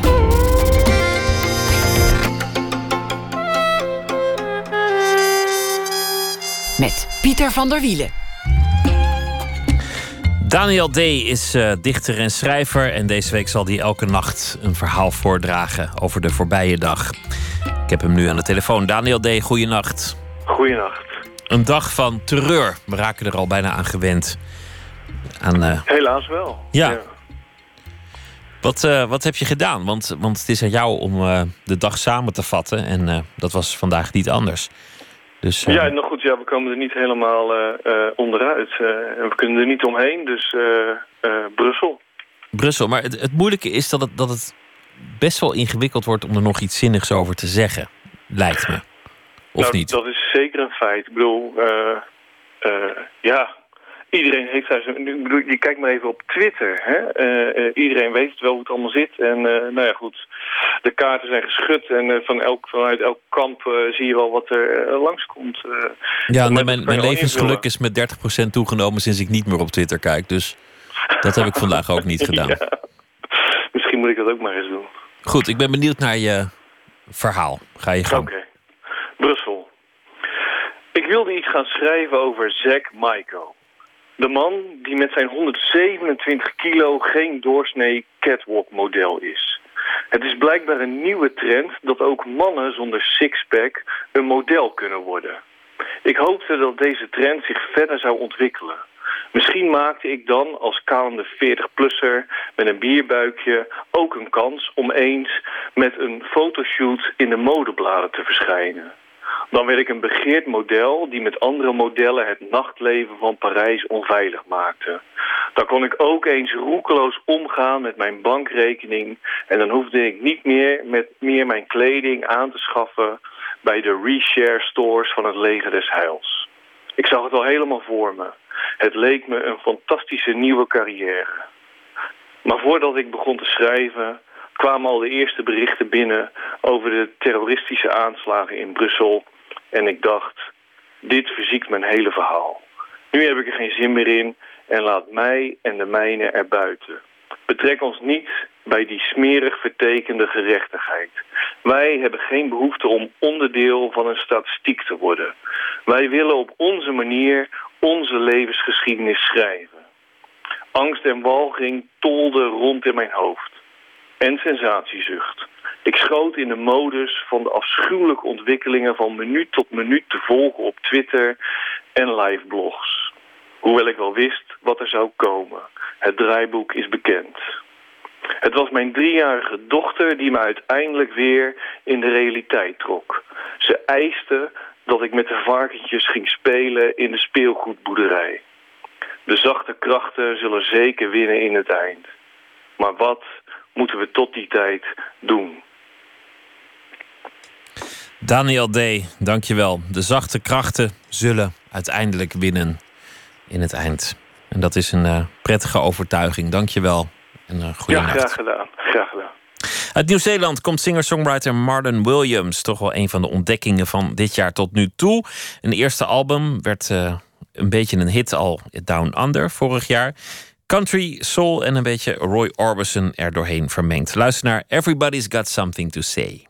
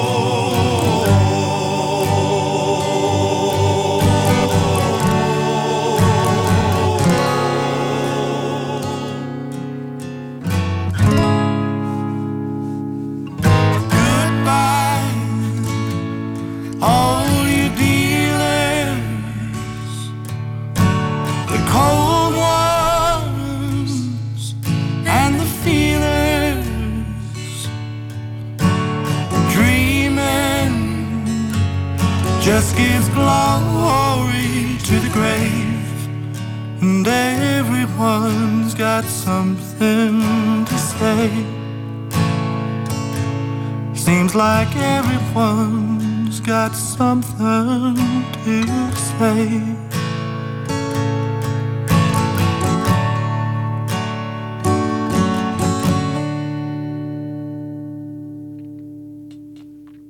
Everybody's Got Something to Say van Martin Williams was dat. Nooit meer slapen. Vanaf donderdag in de bioscoop De Helleveeg. De verfilming van het boek van AFTH van der Heijden. Verslaggever Adinda Akkermans ging alvast naar de voorpremière in Eindhoven. Plukte regisseur André van Duren en hoofdrolspeelster Hanna Hoekstra van De Rode Loper. Tientallen gillende meisjes staan langs de rode loper voor de bioscoop in Eindhoven. Een logische stad voor de voorpremière van de Helleveeg. Want het verhaal van die film speelt zich er grotendeels af. En, ook niet onbelangrijk, de gemeente Eindhoven investeerde in de productie. Als de acteurs Anneke Blok, Benja Bruining en Hanna Hoekstra voorbij flaneren, laait het gegil op. Ik neem regisseur André van Duren en actrice Hanna Hoekstra even mee. Weg van de Hollandse glamour naar de krochten van de bioscoop.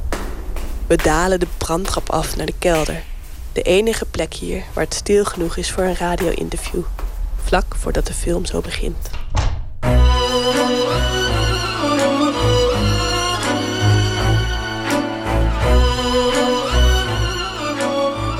De Helleveeg is de verfilming van de gelijknamige roman van A.F.T. van der Heijden. Regisseur André van Duren aaste al een tijdje op de filmrechten van een boek van deze schrijver. Dus toen in 2013 de Helleveeg verscheen, greep hij zijn kans. Ik ben een grote Van der Heijden fan. Ik had al twee keer eerder geprobeerd de rechten van een boek te verkrijgen. En ik dacht, nou ben ik vast en zeker de eerste. Want ik heb het gelijk op de dag gekocht dat het uitkwam. En smiddags er bezig bij en de producent benaderd. En uh, nou, het komt vooral omdat ik een groot Van der Heijden fan ben. Waar zit hem dat in? Ja, de gemeenschappelijke afkomst. Hij komt uit Brabant, uit een gehucht bij Industriestad Eindhoven. Ik uit een gehucht bij Industriestad Os. We hebben alle twee in zijn de eerste in de familie die gingen studeren. Allebei in Nijmegen gestudeerd een aantal jaren. En vervolgens naar de Randstad gegaan waar we terugkijken op onze Brabantse verleden. En soms gebruiken we het en soms niet. In dat Brabant van de jaren 50 begint het verhaal van de Helleveeg. Het is een tijd waarin veel in de doofpot wordt gestopt en de seksuele moraal nog zeer streng is. In de hoofdrol Tientje Poets, gespeeld door Hanna Hoekstra. Ze heeft als jong meisje iets ergs meegemaakt, dat pas aan het einde van de film helemaal duidelijk wordt. Dus dat zal ik nog maar niet verklappen. Maar de hele film is de sfeer beklemmend. Bijvoorbeeld in deze scène, als vader, gespeeld door Gijs Scholte van Aschat, en moeder, Anneke Blok, de aanstaande verloofde van hun dochter Tientje ontvangen. Wij zijn voornemens ons te gaan verloven. Is dat niet wat vroeg? Ik heb niks tegen verloving. Als je maar weet dat we Tientje niet voor de twintigste laten trouwen. Ze is 18. Wij hebben afgesproken dat Tientje het huis niet verlaat voor de twintigste. Heb je dat begrepen? Vertel er ook even bij waarom, anders snapt hij het niet. Dat houden wij onder ons. Dat is goed, dan vertelt het hem zelf wel. Je vertelt helemaal niks. Als er iets is wat ik weten moet, gaat u wel om een verloving. Ik weet goed met jullie gemaakt. Jullie gaan verloven over een maand, over een jaar. Kan me niet schelen wanneer. Ik betaal het feestje. En dan praten we verder nergens meer over. Niet over trouwen voor de twintigste. En ook niet over de andere. Wat Tientje mee kwam. Ondervond jij last van die uh, seksuele moraal van de jaren 60, 50? Nou, ik ben ook heel streng opgevoed. Nee, ik was niet eens een vrouw, maar dus die moraal van de katholieke kerk, die, daar ben ik ook in opgevoed. Uh, en dus die herken je, zit ook in de film. Dus iedereen in Brabant die even oud is als ik, had daar last van. Het zit heel erg in de helleveeg ook. En dus die seksuele moraal en niet over dingen praten. En als er dan iets mis is gegaan, de andere kant opkijken. En liever hebben dat het niet besproken wordt dan, uh, nou, dat soort dingen, die uh, ken ik allemaal natuurlijk. Of dat hoort bij het mooie katholieke geloof. Het ook wel voordelen heeft overigens. Want we zijn weer minder topbericht dan de gereformeerd opgevoeden. Kijk, als je nou bed violen, knielen op een bed violen naast de Helleveeg zet... kun je toch nog beter in Eindhoven geboren zijn. Ja, ik weet ook nog dat toen we aan het draaien waren... dat op een gegeven moment heeft de rol die Hadewig gespeeld... de zus van Tini van der Serkt, Hanny... Die heeft, die heeft een scène waarin ze een Maria-groetje doet. En de, regisseur die kon het helemaal mee. Die stond achter de camera, stond, hoorde je hem zo eens. Maria Ik weet die tekst niet, maar hij wel. Die kon nog, die rolt er zo uit, alsof het gisteren was. Weet je wel? Dus die stonden met z'n tweeën dat Maria groetje een beetje te oefenen. Wat zegt ze dan? Wees gegroet, wees gegroet Maria. Val, hier, daar gaat hij. Pas op. Hanna Hoekstra speelt dus Tientje Poets, de helleveeg. Iemand die elke verjaardag verpest met gemene opmerkingen. Nou, mensen. Allemaal één theelepeltje vol van de slagroomzaad. Dan is er misschien net genoeg voor iedereen. Hé, hey, Albertje Egberts. Slimste van de klas, vertel je tante eens. Een Robijner bruiloft, hè? Wat wil dat zeggen? 40 jaar getrouwd. Inderdaad. En hoe oud is jouw moeder laatst geworden? 42. 42. Ja. Zo doen die schijnheilige katholieken dat. hè? De ene week vieren ze de 42e verjaardag van hun dochter. En een week later vieren ze de 40e verjaardag van hun huwelijk. Maar 42 min 40, dat is 2. En zo oud was ons Hanny toen hier eindelijk eens getrouwd werd. En wij werden met fatsoen om de oren geslagen. Maar zelf niet trouwen toen die koe moest kalveren. Koest, team, rustig. Tientje Poets is een harde tante. Ze kan af en toe een trut zijn. En, ehm, maar ze heeft heel wat meegemaakt. Als het goed is ga je in de film zien waarom ze een trut is. Maar wat opvalt aan de film is dat de Helleveeg dan wel een bitch is. Maar toch een stuk sympathieker dan in het boek. Inderdaad, ik heb de tante sympathieker gemaakt dan eh Adrie het in het boek gedaan heeft. Dus uiteindelijk, de schrijver neemt afstand van tante... en de scenarist, regisseur, die blijft tante liefhebben. Ja, omdat ik ook wel dacht als regisseur... als je zo ontzettende afschuwelijke vrouw neerzet... dat hou je geen twee uur vol. En, en eigenlijk hou ik heel erg van Donners lastige vrouwen. Ik heb er drie thuis en het is een ode aan een lastige vrouw. En dan moet toch wel altijd de liefde voor het onderwerp zichtbaar zijn. En daarom heb ik dit gedaan. Natuurlijk is als iemand alleen maar onsympathiek is... dan wil je daar helemaal niet naar kijken. Dan denk je, ga, doe, ga tegen iemand anders schelden. En nu is het, als het goed is, begrijp je als kijker... waarom ze af en toe vrij pittig uit de hoek kan komen. Ze is niet alleen maar lastig, ze is ook verdomde grappig en heel adrem en eigenlijk heel intelligent. Dat ze bijvoorbeeld heel boos wordt op een gegeven moment. Is ze zo kwaad. En dan wil ze heel hard stampen op de vloer. Maar dan gaat ze niet op het pakket stampen. Dan kijkt ze eerst was het dat ze een tapijtje heeft gevonden. Dan gaat ze daar heel hard op stampen. Lag het gevaar ook op de loer dat het een soort karikatuur zou worden? Want dat vind ik zo knap gedaan dat dat eigenlijk niet is gebeurd. Je hebt toch ervoor gezorgd dat ze ook heel geloofwaardig is. Nou, dat is een compliment. Dat, dankjewel. Maar ik, ik geloof... ehm, ik ben niet zo vies van karikaturale mensen in een film eigenlijk. Of überhaupt in het leven. Alleen ik denk dat de karikaturaliteit van dit personage zit hem in de situaties. En in wat er aan de hand is. En niet zozeer in hoe je dat speelt. Als je dat dan ook nog karikaturaal gaat spelen... Of heel, dan raak je het publiek kwijt, denk ik.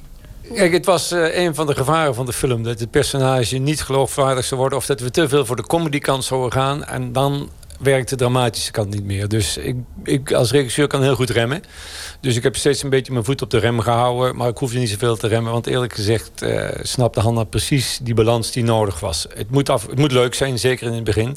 En het moet vet zijn, maar je moet wel het personage blijven geloven. En nou, dat is volgens mij goed gelukt. Pardon mevrouw? Nee, niks. Ik zei dat ik mijn kleine neefje naar Breda wilde ontvoeren. Om te gebruiken als seksslaaf. Helemaal voor mezelf alleen.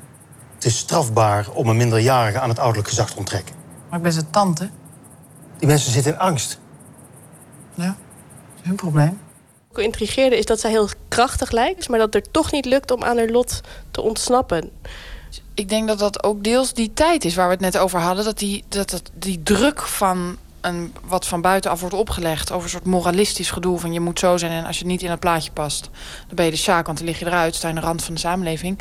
Die druk is zo, was blijkbaar zo groot... daar kon zij met en haar heldere geest en haar brutale toon... snapte ze daar niet aan. Ja, ja, dat is inderdaad uh, uh, tragiek van de film. Dat ze, ondanks dat ze zo sterk is en zo intelligent is... dat ze toch ten onder gaat aan tijd en mentaliteit. En... Ik ben heel benieuwd wat mensen daarvan mee... Waar, wat ze daar nu van meenemen... doordat we nu in een tijd leven waarin wij als vrouwen steeds meer... met twee benen in de maatschappij staan. Dat het niet zo uitmaakt of je nou een kind hebt of niet. Dat het oké is ook als je daarvoor hebt gekozen als je dat niet wil. En dat het goed is als je een baan hebt, maar ook oké is als je dat niet hebt. En dat het toen natuurlijk heel anders was... Dat is zo kort geleden eigenlijk. In de film die zich afspeelt vanaf 1950 tot nu... zie je de tijdgeest veranderen. Heel herkenbaar voor regisseur André van Duren. Heel erg eh, de normen en waarden van de katholieke kerk en burgermansfatsoen. En dat breekt langzaam over. En dat gaat over in de jaren zeventig, waar de moraal aanzienlijk anders is. Nog zo dat uh, neef en tante nog samen in bed belanden. En vervolgens gaan we via de jaren tachtig en weer het nieuwe moraliserende van deze tijd. En dan zijn we eigenlijk weer bijna rond. Uiteindelijk veroordeelt Albert zijn tante en dan vertelt ze wat er gebeurd is. Maar uh, ja, het is een gesloten moraal die even open is weer uh, geslotener wordt. Kun jij zelf terug verlangen naar een van die periodes? Nee, ik heb een ontzettend hekel aan nostalgie. Ik vind vroeger helemaal niet beter. Tegenwoordig is veel beter. We hebben bijvoorbeeld Sharon Kovacs is nooit zo'n goede popmuziek in Nederland gemaakt als nu. En ik heb een ontzettend hekel aan dat nostalgische gevoel. En dat zit heel veel in Nederlandse films. Altijd als het jaren 50 is, dan krijg je een soort omroep Max gevoel. En in Amerikaanse films gebeurt het nooit. Dan, dan, dan, uh, en dat is heel funest voor het imago van onze periodefilms. Die hoeven niet voor mensen van mijn generatie te zijn. Als je tenminste die nostalgie er eens afhaalt. Dus die zit gelukkig niet in de Helleveeg. Er zitten ook geen wasstoppen in en strijkplanken en de eerste krulspelden en al die dingen die altijd in de periodefilms je ziek wordt van die verkeerde nostalgie die een, een wereld creëert van vroeger was alles beter. En daar gaat deze film niet over. Die film gaat er eigenlijk over dat het vroeger slechter was. Something to know. I'm not like others, this needs to go slow. Got things, things on my mind. Visions to make and gold dust to find. It's not you, it's definitely me. Got dreams to believe in and bright lights to see. No spark, starting to doubt. I've got the feeling that this won't work out. I'm digging, don't want you Adinda Akkermans in gesprek met regisseur André van Duren en actrice Hanna Hoekstra. De film De Helleveeg is vanaf donderdag te zien in de Nederlandse filmtheaters. Het was eh, de grote verrassing van South by Southwest in Austin, Texas. Het uh, festival waar nieuwe acts zich presenteren aan de pers en de industrie. Het was uh, rapper en zanger Anderson Paak. Hij speelde er meerdere keren per dag op tal van locaties en pakte het publiek in met funk, pop en hip-hop. Luister naar Celebrate.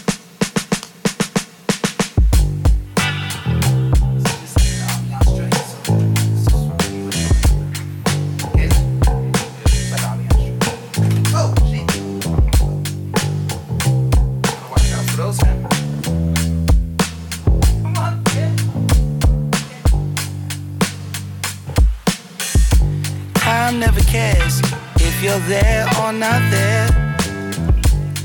All you ever needed was a simple plan. But you're doing well. I mean, you're not dead. So let's celebrate while we still can. I know what they say. I could give a care. They talk so much on me. I must be doing something right. I saw my son today in the likeness of a full grown man. So I'll celebrate while I still can. Ooh, on a day day, you can see West LA, even downtown. I remember when I couldn't even see the point of stepping out the motherfucking house. Let it go, let it go, let it go, let it go,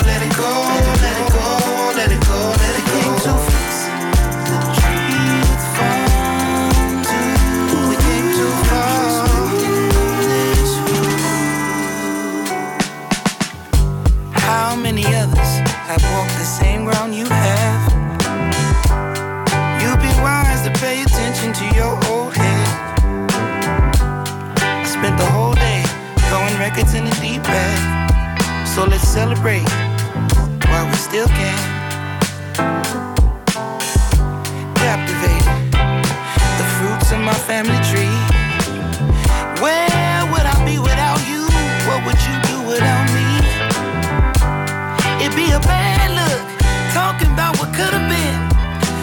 Celebrate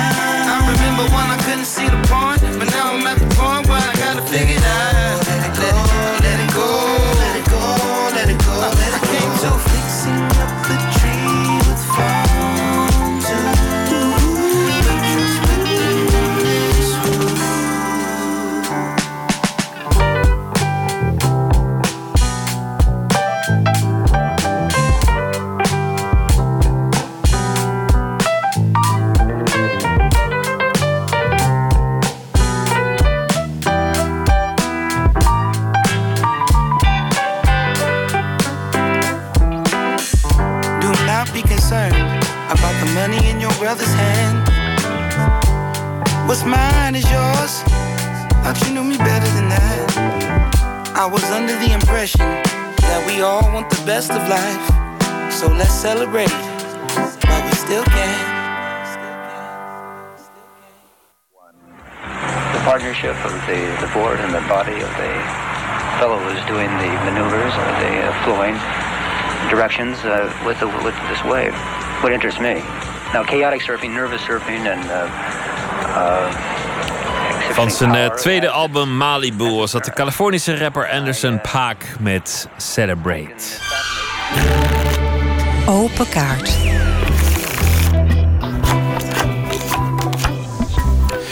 Een bak met 150 vragen, elk op een kaart. En de gast zelf die trekt de vragen door eh, een kaart te trekken. En de gast is acteur Peter Faber, de verteller van het Bijbelverhaal in een voorstelling De Matthäus Passie.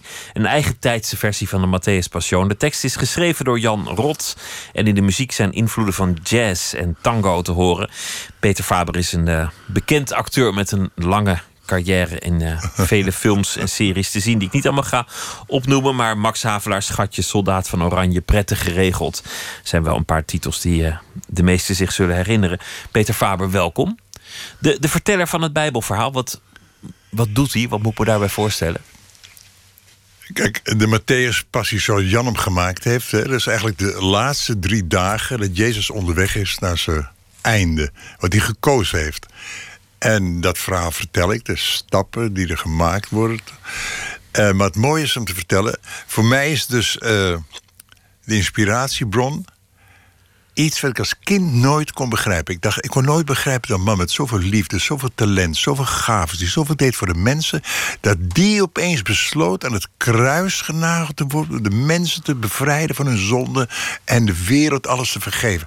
Ging er bij mij nooit in. En door hoe ik het nu speel... en de Matthäus-persoon van Jan Rot... het komt uit een oude Joodse traditie. Yom Kippur, de grote verzoendag. Er werden er twee geitjes gekozen, één zondebok en één offerlam. Het ene geitje, er werd alles op afgespuugd, gescholden... en er werd dan de woestijn in gestuurd. En dan was iedereen verlost van zijn zonde. Het andere geitje werd geofferd aan God... en dan waren je zonden vergeven. En Jezus, waar hij vandaan haalde, weet ik niet die besloot: ik ben het menselijk offerlam. Ik zal het mezelf, morgen zal ik sterven, zal ik mijn leven geven. En in het hof Gethsemane, in het verhaal, dan staat hij er in zijn eentje, denkt hij opeens de paniek. Shit, is dit echt wat de bedoeling? Is het echt wat de offer van God? Ben ik er niet ingetuind? Moet ik niet vluchten? Moet ik niet vechten? En sinds die tijd daarna zegt hij er ook helemaal niks meer. Bij Pilatus niet en bij al die uh, hoge priesters niet die hem erin luisteren. En dan laat hij het gebeuren.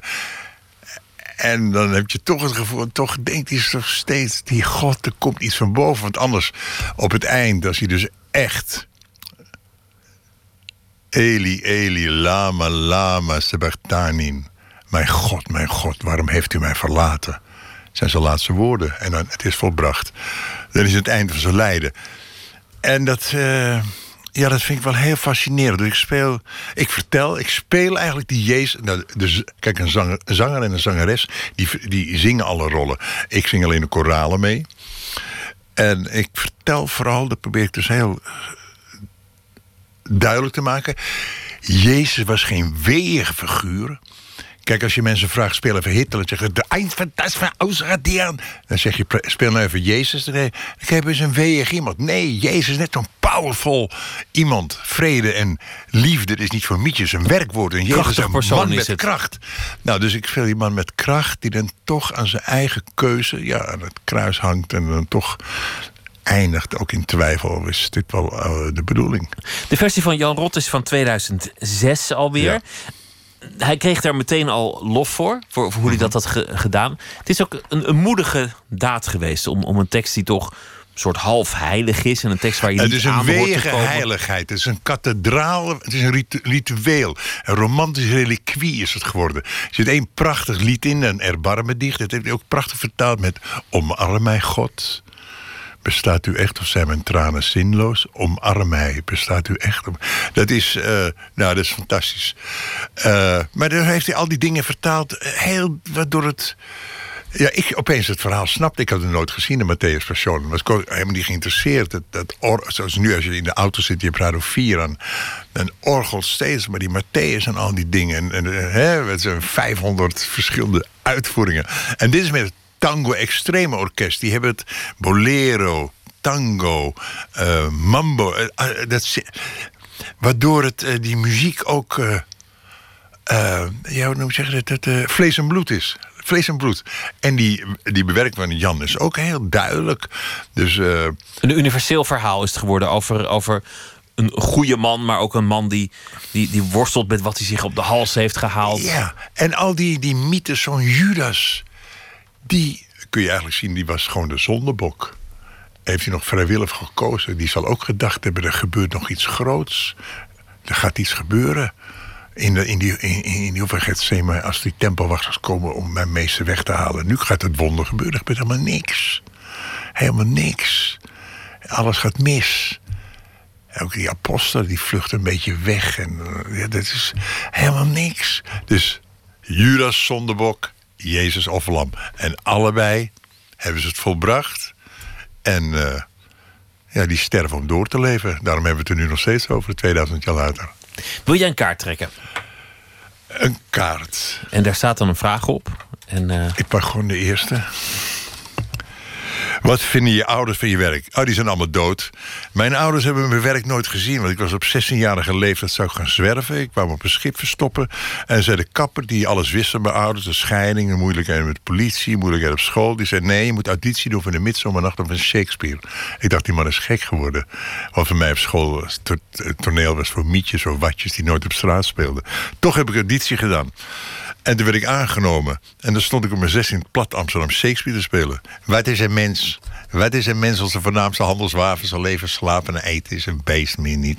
Want de schepper die ons zo'n denkkracht gaf om vanuit en terug te zien, heeft ons dat vermogen, die goddelijke reden niet toebedeeld, het ongebruikt in ons verschimmelen. Maar dan net plat Amsterdam, ze met zo'n beetje lui stem. wa- want jij kwam uit Amsterdam-Noord, Tuindorp, om precies te En zijn. mijn ouders die hebben, die hebben eigenlijk mij, mij nooit zien spelen. Want ik, ik, op mijn 32e zag ik ze weer. Eh, nee, die hebben dat allemaal nooit meegemaakt. Vind je dat en jammer voor mij is het, eigenlijk? ja, maar kijk, ik heb, kijk, van je werk, voor mij is mijn mijn leven is mijn werk. En mijn leven is mijn carrière. En ik ben bekend geworden door films en toneelstukken. En ik vind het leukste werk wat er is. En het is tegelijkertijd mijn leerschool.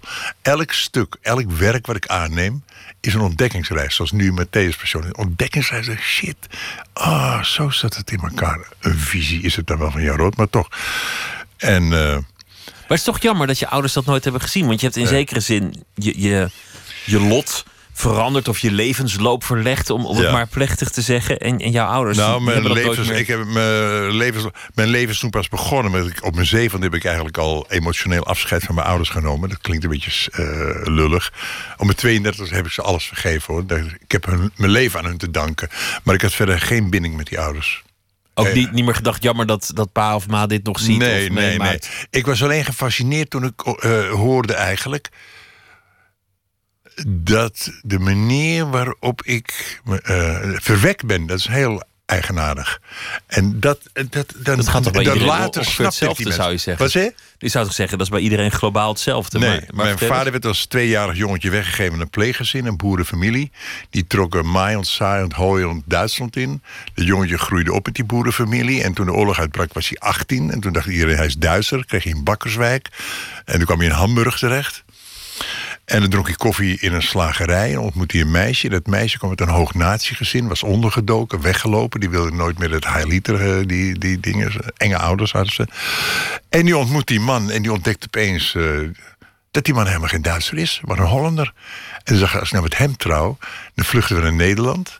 En dan ben ik vrij van die enge ouders, maar ze mochten niet trouwen. Alleen gelukkig werd Hamburg dag en nacht gebombardeerd door geallieerden. Echt helemaal in de poeier. Dus waar we elkaar tegen? Een schuilkelder. En van het een kwam het ander. En opeens werd twee, werd drie. Met een dikke buik zijn ze naar Zwartsemag zalen gevlucht. En er werd op een dag in het eh, standesambt geschreven, bevolkingsregister geschreven. Heute geboren een knaben, zoon van Ingalwine Augustin en Luwe Faber, Peter. Dat is ik een wonder. Daarom gebruik ik het vaak wonder bestaan niet, wonder ontstaan. En vooral als er rampen zijn. Zoals nu, die hele wereld die nou zo in het vlammen en gedoe is, zijn de wonderen nabij. Alleen, ja, ze komen uit een hele onverwachte hoek. Dus als jij een probleem hebt, mag je blij met je probleem zijn. Want de wonderen zijn erbij. Koester je rampen, want de wonderen zijn erbij. Want, want uit zoiets naars als een bombardement van Hamburg kan ook weer iets voortkomen. Jouw leven. Ja. Daarom zeg ik ook, het leven is niet kapot te krijgen. Dat is onverwoestbaar. Zelfs die ramp die er nou naar de hand is en het, eh, dit en dat dan allemaal. Denk ik soms terwijl ik hier naartoe reed, dacht ik: shit, is dat nou niet ook hetzelfde wat Jezus deed? Ik geef mijn leven sterven voor iets te bevrijden, om mijn eigen familie te Een bevrijden. soort ook al- martelaarsdood. En dat is zo'n fout image shit. Het leven, dat- je gaat vanzelf dood. En geloof is liefde, zit in je hart, is houden van. Dat is een werkwoord, hoe je met diezelfde power, die destructie. En je moet altijd Dat- volgens mij de kant kiezen van het leven. Ja, vind ik wel, ja. Ja, ja vind ik wel. Wil je nog zo'n kaart trekken? Ja. Ik ga nu naar het midden. Luister hier naar mensen die eh, niet kunnen slapen. Om wie moet je lachen? nou, maar heel veel dingen. Ik, ja, maar heel veel dingen. Ik moet vooral lachen als mensen zich vergissen. Ja. Noem eens iets. Ja, als- Een voorbeeld dat zo, dat zo aan ja, iets, eh, ja, ja. Ja, ja, het is te dom voor woorden. Als, eh, als echt iets... Nou ja, het geëikte uh, bananenschil verhaal. Maar is iemand die doet iets en pakt gewoon totaal anders uit. Ja, dan moet ik om lachen. En ik eh, moet ook soms lachen. Maar dat is een zenuwenlach als dingen heel erg zijn. Als dingen heel erg zijn, dan krijg ik een heel opgewekt gevoel. Het is net of er iets daarbovenuit wil komen. Eh, Laatst was er was in het nieuws iemand die, die de gracht in was gereden... omdat ze Tom Tom zei, hier naar links. Ja, en hij keek op dat ik schermpje en dacht... Nou ja, ja, nee. Nou ja, net ook om hier in die studio te komen. Die Tom Tom zegt eh, linksaf, linksaf, rechtsaf, rechtsaf. Maar dan moet ik een trottoir oprijden. Wat zeg ik het heb? Dan had ik in die expeditieruimte gereden, begrijp je? Dus, maar dat, ja, dat, dat, zijn, dat zijn weer die dingen... Daar moet ik erg om lachen. Ja, nee, ik moet ook. Ik, ik kan heel erg lachen om bloedserieuze kinderen. Ik kan heel erg lachen ook om. eh, ja. ja, maar ook komiek hoor. Komieken, dus eh, wie ik erg. eh, dus, eh, ja, toch altijd toch over die André van Duin, Jochem Meilen. het Zo. Ik bedoel, het is lachen als onbedoeld. Ja, onbedoeld. Iets op volle toeren begint te draaien en, en het, gaat, het vliegt uit de bocht. Ja, dat vind ik leuk. nog een kaart als je wil. Het zijn er 150, maar we hoeven ze niet allemaal te doen. Maar. Hoe zou je het liefst sterven? Nou, nee, kijk, sterven is opluchting. Ik kan nu doodgaan. Een laatste zucht. Ah. En de mensen die ik heb dood zien gaan, dat was altijd het laatste moment. Was ook met dieren. Is een verstilling. De weg naartoe kan martelend zijn hoor, dat moet ik eerlijk even zeggen wel. Maar uiteindelijk, zo zit het leven in elkaar. Je, je bevalling was veel erg. Ik heb vijf bevallingen meegemaakt. Dat is een verkeersongeluk. Dat is eh, gruwelijk. met veel pijn en gegil Ja, en, allemaal gedoe. dingen. Het is het mooiste wat er is. Je, je schiet vol. En alle mensen die ik, toen ze dood waren, zagen er zo opgelucht uit. Dacht, shit, waarom was je niet opgelucht tijdens je leven? Gerard Tolen bijvoorbeeld. En eh, dat, ik- daar lag er, er lag er eens een jongetje bij, zo opgelucht. Oh ja, vredig. Nou, dus, dus dat doodgaan hoeft niemand zich zorgen over te maken. Dat is gewoon eh, opluchting. Vrede. Ja. De volgende, alsjeblieft. Tadaa. Ben. Als ik heel snel antwoord, mag ik veel kaarten pakken. Ik Ja, ben heel nieuwsgierig. Wie of wat is de liefde van je leven? Nou, en door een bekentenis, het klinkt aan alle roddelbladen, maar ik kan het zeggen, ik ben vijf keer getrouwd. Dit keer ben ik voor de vijfde keer getrouwd. En dan is dit ook de liefde van mijn leven. Maar in wezen zijn de liefde van mijn leven eh, al je kinderen. Die zijn belangrijker dan degene met, met wie je bent. Uiteindelijk denk ik nog wel, ja. ja, ja, ja, ja. Maar nu, met Rosanna... eh, ja, dat is toch op dit moment de liefde van mijn leven. Dat betekent, die maakt alles wakker in me wat ik te geven heb. Lichamelijk en geestelijk. Pak weer een kaart, hè? Oké. Kun je liegen? Ja, ik kan heel goed liegen. Als kind was liegen mijn zelfbescherming. Eh, kijk, eh, ik, ik speel altijd op straat. En, en op straat is alleen de dingen die niet deugen zijn spannend. Dus dat wat je, maar dat deed je heel argeloos. Niet moet, maar gewoon spannende dingen. Gewoon auto rijden of dit eh, enzovoort. Als ik dan thuis kwam, kon ik aan het gezicht van mijn moeder zien dat er iets aan de hand was. Oh shit, er is iets gebeurd. En dan, want die kon breien, zat ze te breien, maar het ritme van die tikkende pennen, dat had een ander ritme dan of zo. En ze beet op de tong een beetje zo, op hun wang. Ik, oh, oh, oh, oh, oh, oh. En, eh, en dan kwam er dus een bericht: heb jij die lantaarnpalen uitgegooid? Nee. Ik had een hele dijk rond. eh, Nee, nee, nee, echt niet. Nee, nee, want ik was er helemaal niet. Ik was bij het NSM-terrein, daar bij, bij de dijk was aan het spelen, bij, bij het opgespoten land. Ja, nee. Volhouden van liegen. En ik wist dat ik loog. Eh, Ik, ik weet dus wel als ik lieg, als ik lieg, dat ik lieg. Maar dat was zelfbescherming. Het eindigde eh, toch uiteindelijk toch in een enorm pak slaag. Maar het was het wonderlijk als slaag de klappen voorbij waren. Die waren zo erg dat je na vergeten was wat je ook weer gedaan had. En deed hetzelfde opnieuw. En dan, en dan lantaarnpalen uitgooien. Nu zou het je niet meer lukken, denk ik. Ja, met een steen. Als je, het is gewoon Nou, moet je- moet je eh, wel de best- lampen. Ja. Dan moet je wel goed kunnen gooien, hoor. Ja, nee, maar op zo'n dijk, dat is een, een dorpse palen. Die zijn Ja, de ouderwetse lantaarnpalen in Amsterdam gewoon. Zullen we nog eentje doen? Ja, oké. Hoe vaak google je jezelf? Heb ik nog nooit gedaan. Jezelf nog nooit gegoogeld? Nee. Google en dan Peter Faber en dan, dan zien we wat Nee, voor uh, nee, rottigheid er allemaal staat. Er zal van alles op staan, want mensen halen wel eens foto's af of dingen, geloof ik. Ik zeg, hoe kom je daar nou aan? Ja, van, van, van, van Google. Ik moest een keer ergens optreden. En die man die zei, nou, ik heb een beetje gekeken hoe ik je kan aankondigen. Die op Wikipedia gekeken. Daar heb ik ook nog nooit op gekeken. Hij zei, moet je kijken wat er allemaal staat. En die kerel heeft nooit stilgezeten. Wat is dat nou? Wat is het nou? En ik zat zelf ook versteld te. Terwijl ik eigenlijk zelf altijd het idee heb dat ik, eh, dat ik niks doe. En ineens op Wikipedia heb je een heel leven en een hele carrière. En Ja, ja. ik ben toch altijd een lange eh, lijst. eh, op het moment. Dus wat ik, dit, eh hier ik nou bij jou zit, is dan weer het belangrijkste moment. Dus ik heb daar, in die zin heb ik tamelijk een tamelijk leeg hoofd. Gewoon beschikbaar voor wat er op me afkomt. Op, eh, op reis met eh, de Matthäus-passie, de tekst van Jan Rot. En jij als verteller van het Bijbelverhaal. Leuk dat je even langs wilde komen. En Tango Extremo, dat orkest is fantastisch. Want vanavond in Gouda, je een hele zaal. Die weten, ze krijgen allemaal een hand van me in het begin, als ze binnenkomen. Ik, tot 400 mensen doe ik dat. En dan heb ik een verhaal over dat een hand geven het simpelste contact is. Je, als je een hand geeft en elkaar aanraakt, weet je in een paar seconden meer van elkaar dan je ooit onder woorden kan brengen. En dan lijkt die hele zaal dat doen ook allemaal. En dan begint voorstelling, nou ja. En eh, het publiek was laaiend enthousiast. Staande ovatie op het eind. Vanaf heden op tournee. Peter Faber, dank je wel. Oké.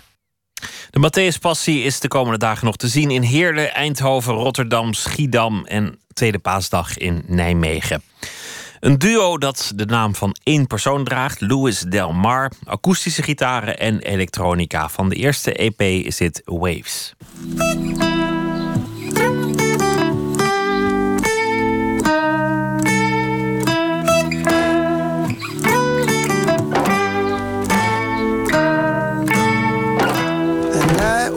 Broke out, neighborhood penitentiary.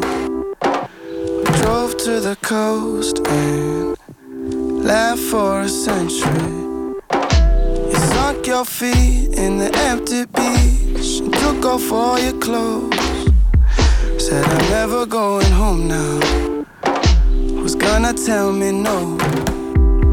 Well, freedom ain't it frightening? Mm. Like swimming in the lightning, deadly but delighting. Lips against the sky now, so bold. You told me it always tastes good when I choose it for myself.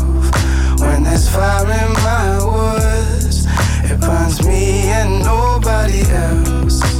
I know I fuck up, but as long as I show up. It'll always taste good.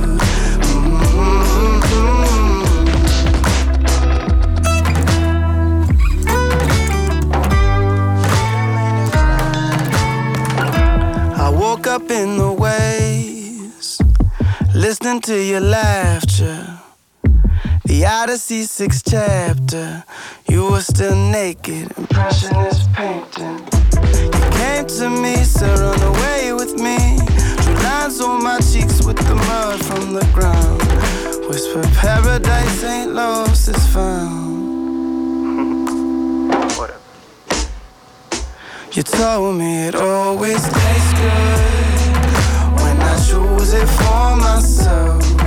When there's fire in my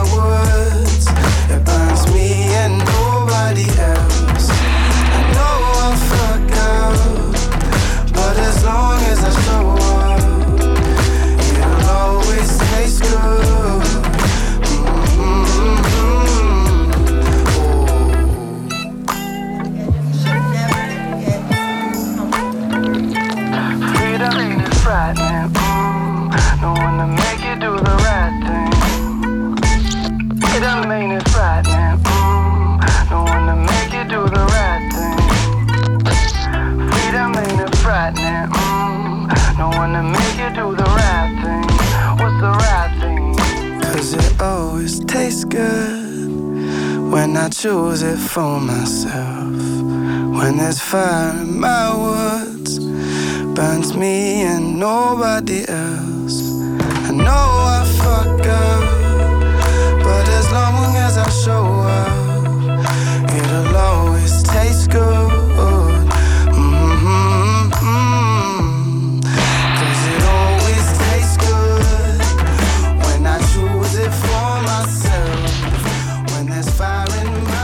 18 mei te zien in Utrecht. Louis Delmar met het nummer Waves.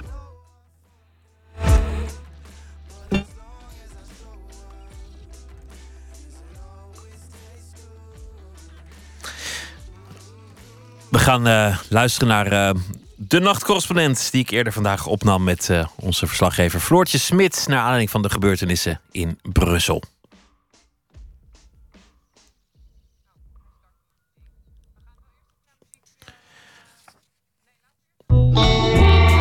Nooit meer slapen.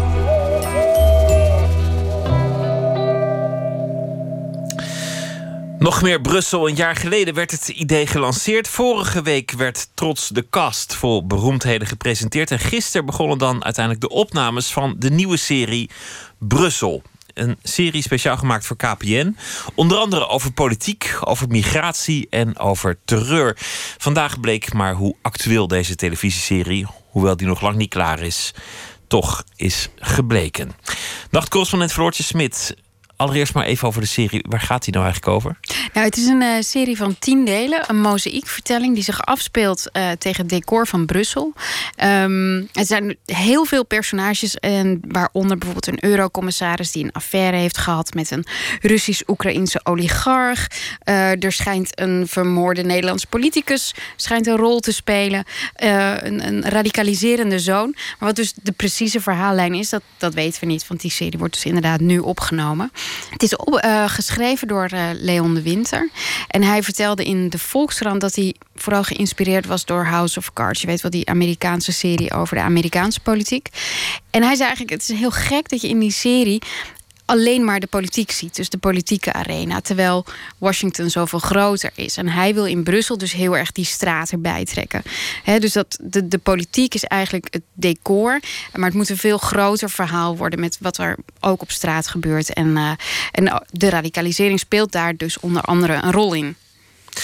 Ja, en dan zijn ze gisteren begonnen met draaien. En uh, op draaidag 2 slaat het noodlot toe. En is uh, Brussel het decor van terreuraanslagen.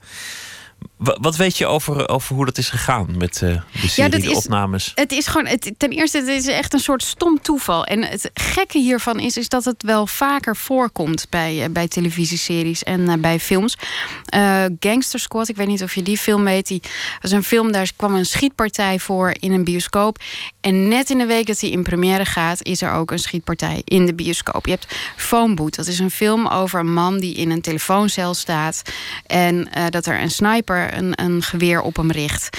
En die heeft, het heeft geloof ik tien jaar geduurd voordat die film überhaupt gemaakt was. En toen was hij daar en toen was er net in Washington een man, een sniper, die elf mensen uh, vermoordde. En nu, nu net in Frankrijk ook, Made in France was dat, een, een thriller over een terreurcel in Parijs. Die is twee keer uitgesteld. De eerste keer zou die uitkomen bij Charlie Hebdo. En de tweede keer zou die, dat die zou uitkomen waren die aanslagen in Parijs. Dus het is het is, heel, het is een soort merkwaardig toeval. En volgens mij heeft het er ook heel erg mee te maken met wat voor bril je dus kijkt naar wat er gemaakt wordt. Je hebt bijvoorbeeld Wild Tales, dat vond ik dan zelf een hele grappige film. Dat gaat over een piloot bijvoorbeeld die um, een zelfmoordaanslag pleegt met een vliegtuig wat helemaal vol is. Dat was toen ik hem zag nog grappig, zwart komisch. Maar uh, na German Wings, na dat debakel met die, met die piloot die zelf tegen een berg gaat vliegen, ja, je gaat er toch gewoon heel anders naar kijken. Maar het heeft dus eigenlijk meer met onze bril te maken, denk ik vaak, dan, dan met um, wat, wat het zelf is. Het lijkt me voor de makers vooral heel vervelend. Je, je maakt een serie over een, een, een thema en het wordt de waarheid. Dan moet je die waarheid gaan opnemen in die serie, maar daar is het allemaal te vers voor. Het is ook praktisch lastig, want Ja. je moet draaien in een stad die in paniek is. Ja, ja. Waar, waar van alles heerst. Ja. ja, want je wil natuurlijk wel graag actueel zijn, maar ook weer niet te. Ehm, ja, je, je- moet er iets mee, terwijl het inderdaad nog... Het, het ligt allemaal nog, nog zo ontzettend gevoelig. Dus ik heb scenarist eh, Leon de Winter ook gebeld. Die wilde nog niet reageren, want die zei van... het ligt voor mij nog, nu nog te vers. Eh, maar ik vroeg het aan eh, regisseur Arno Dieriks. En die eh, filmt op dit moment in Brussel. Ik heb nog nooit aan, aan, aan een project gewerkt waarbij ik letterlijk de krant niet kan openslaan, maar niet even de krant openslaan. Op elke pagina van de krant staat wel iets wat te maken heeft eh, met datgene wat wij nu aan het maken zijn. Het is echt, ja, als je, iets maakt over nu of over de nabije toekomst, ehm, je probeert altijd eh, eh, voor te lopen op de actualiteit. En als je dat doet, dan, dan blijkt dat je gewoon ontzettend actueel bent. Want wat zich nu hier afspeelt, ja, dat komt gewoon in de serie. Dus die serie is eigenlijk zo actueel. Ja, het, het- zit er eigenlijk al in verwerkt. Ik weet niet of ze er nog meer aan gaan doen. Dat weten ze waarschijnlijk zelf ook nog niet. Zo vers is het. Ehm, maar ik ben heel benieuwd. Maar begreep ik nou goed dat hij op de set stond? Dus dat ze eigenlijk gewoon zijn blijven draaien? Ja, ze draaien gewoon vandaag. En dat verbaasde mij ook. Want ik ging er eigenlijk vanuit dat hij gewoon eh, naar huis ging. Dus ik heb hem dat ook meteen gevraagd. Nee, wij zijn niet gestopt. We zitten in een eh, brasserie in Laken. En eh, ja, we zitten in de buurt van een, van een doorgangsweg. Dus we, de hele tijd de sirenes eh, die je hoort. Waardoor we de, opname altijd moeten stilleggen. Maar we, we krijgen het, eh, de berichten via, eh, via de media. omdat de binnenstad plat ligt en dat het openbaar vervoer plat ligt. Dat soort berichten krijgen wij ook. Maar maar verder kunnen wij gewoon verder gaan. Toch moet dat haast wel invloed hebben op de sfeer op zo'n set, op zo'n draaidag. Dat, Ja. dat, dat het nieuws dan aan alle kanten om je heen gebeurt en dat je de sirenes hoort en dat jouw serie daar ook voor een deel over gaat en dat je hele andere dingen moet draaien. Ja, tuurlijk. Het, het, is, het is surrealistisch. En, eh, en dat zei hij ook. Nee, leuk is het niet. En dat, eh, eh, dat heeft te maken met de onrust. eh, het, eh, de paniek die je voelt om je heen. En dat begint natuurlijk met de, de Belgische... Dus we hebben heel veel Belgische eh, eh, mensen in de crew. Ja, die komen s ochtends al op de set. Die weten dan alles. alles. Ehm, nog voor je überhaupt begonnen bent. Eh, ja, en dan is iedereen ook bezig met thuisfront uh, geruststellen. Iedereen moet even naar huis bellen of eh, sms'en. Dus dat creëert een hoop eh, onrust. En ja, de een reageert er al wat angstiger op dan de andere. Ik heb daar gelukkig niet zo'n last van, want ik ben nog steeds van mening dat ik eh, meer kans maak om een dakpan op mijn hoofd te krijgen dan, eh, eh, dan hier slachtoffer van te worden. Ook al komt het zogenaamd zo dichtbij. Maar ja, andere mensen reageren daar angstiger op. En eh, ja, ik, ik denk dan soms van ja, iemand die bang is om in de lift te stappen, die kan je ook niet zeggen, wees nou niet bang. Ja, die is dan gewoon bang. En dat is, dat is dan gewoon zo. Maar onrustig is het zeker. Ja, toch niet heel bang. De kans dat je een dakpan op je hoofd krijgt is nog steeds groter. De ellende is natuurlijk dat de kans dat je een dakpan op je hoofd krijgt niet is verdwenen. Die, die, Nee. die is er nog steeds Ja. en dit is er nog eens Ja. bijgekomen. Ja. En het is natuurlijk een pragmatisch probleem. Het, het is, ja, die sirenes natuurlijk. Maar ehm, er komt allemaal extra politie. ehm, dus het is ook nog maar de vraag wat je kan filmen en hoe je kan filmen. Want zij, hij vertelde bijvoorbeeld ook... ze hebben natuurlijk scènes eh, in dat, bij dat Europese eh, politieke centrum. Ze hadden een hele draaidag gepland op Zaventem. Nou, dat is een gedoe om daar toestemming voor te krijgen... om te draaien op een luchthaven. Maar dat gaat natuurlijk ook niet door. Dus je moet er ook omheen werken in, eh, in zo'n film. Dus ja, er moeten alternatieven worden bedacht. De serie Brussel, wanneer, wanneer kunnen we het resultaat eigenlijk zien? In december wordt die eh, voor KPN-leden, kun je hem eh, leden, of ja, hoe noem je dat? Die kunnen hem zien, gratis. Floortje, dankjewel en een goede nacht. Call It What It Is, de titel van het nieuwe album van Ben Harper en zijn Innocent Criminals. Duurt nog tot juni voor de plaat verschijnt, maar het titelnummer is al beschikbaar. Call It What It Is dus.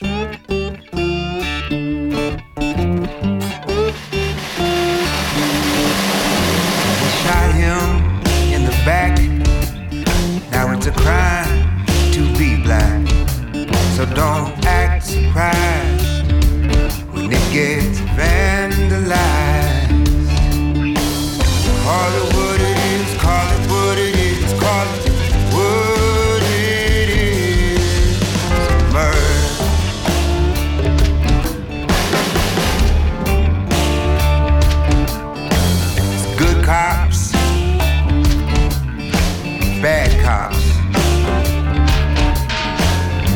cops, black cops. But got to call it what it is, call it what it is, call it what it is. Murder, murder, murder. Trayvon Martin.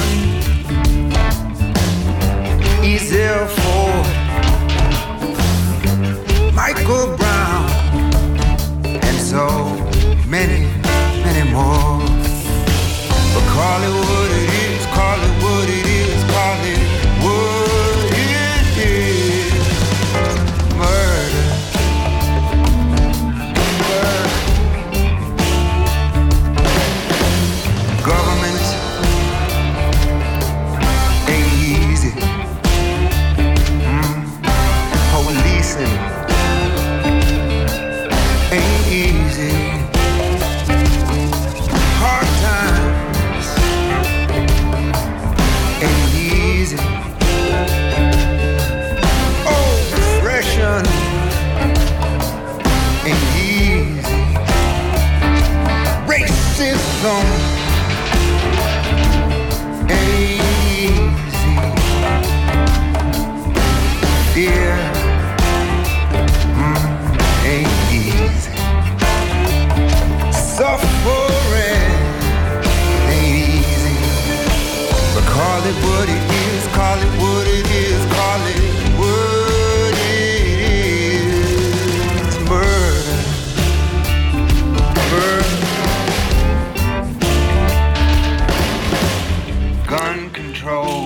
Call it what it is. Ben Harper en The Innocent Criminals. Anton Korteweg is dichter. Deze week zal hij elke nacht een gedicht uitkiezen en voordragen. En vannacht komt dat gedicht uit Tsjechië.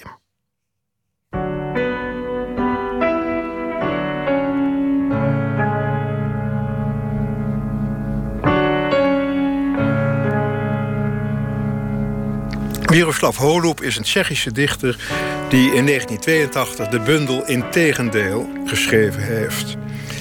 De eveneens Tsjechische Jana Beranova heeft de gedichten in het Nederlands vertaald. En uit die vertaling van haar lees ik het gedicht Beknopte beschouwing over kaarten. Het is eigenlijk meer een anekdote dan een gedicht, maar dat hoort u wel. Het, eh, je moet van tevoren even weten dat daar een zekere Albert Szent-Györgyi in voorkomt. Daar begint het gedicht mee. En dat was een Hongaarse Nobelprijswinnaar, biochemicus, die in de Eerste Wereldoorlog in 1907 1917 als 24-jarige soldaat in de Alpen gewond is geraakt. Ik vind het gedicht zo mooi omdat het laat zien dat we met gebruikmaking van het verkeerde hulpmiddel toch thuis kunnen komen. Je kunt het gedicht ook zien als een illustratie van de gedachte dat je alleen al door het idee dat je op het juiste kompas vaart, dat je alleen al door dat idee aankomt, zonder dat het dat ook is. Albert Szent-Györgyi, die veel wist van kaarten waarlangs het leven zich roert, ergens naartoe, vertelde graag dit verhaal uit de oorlog, waardoor de geschiedenis zich roert ergens naartoe. Uit een Hongaars peloton in de Alpen zond een jonge luitenant een verkenningsgroep naar de ijzeren woestijn. Onmiddellijk ging het sneeuwen. Het sneeuwde twee dagen en de groep kwam niet terug. De luitenant zat in angst. Hij had zijn mannen de dood ingestuurd. Maar de derde dag was de verkenningsgroep er weer. Waar waren ze geweest? Hoe hadden ze de weg gevonden? Ja, zeiden de mannen, we dachten al dat we verloren waren en wachten op het einde. Tot een van ons in zijn broekzak een kaart vond. Dat stelde ons gerust. We sloegen onze tenten op tot het ophield met sneeuwen en vonden met de kaart de juiste richting. Hier zijn we dan. De luitenant vroeg naar de wonderbaarlijke kaart om die te bestuderen. Het was geen kaart van de Alpen, maar van de Pyreneeën. Tot ziens maar weer. Anton Korteweg las een eh, gedicht van de Tsjech Miroslav Holub. Korte beschouwing over kaarten. Morgen in Nooit meer slapen komt eh, regisseur en acteur Luc Perceval langs. Hij komt eh, vertellen over de voorstelling Het jaar van de kreeft bij toneelgroep Amsterdam.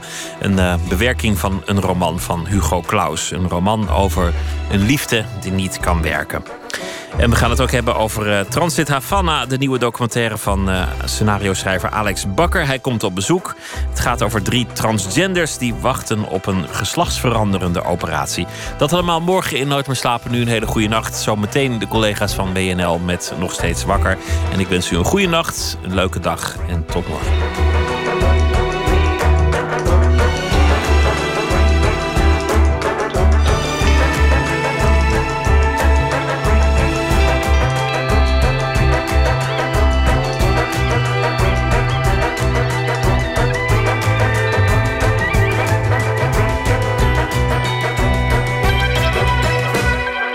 Radio 1, het nieuws van alle kanten.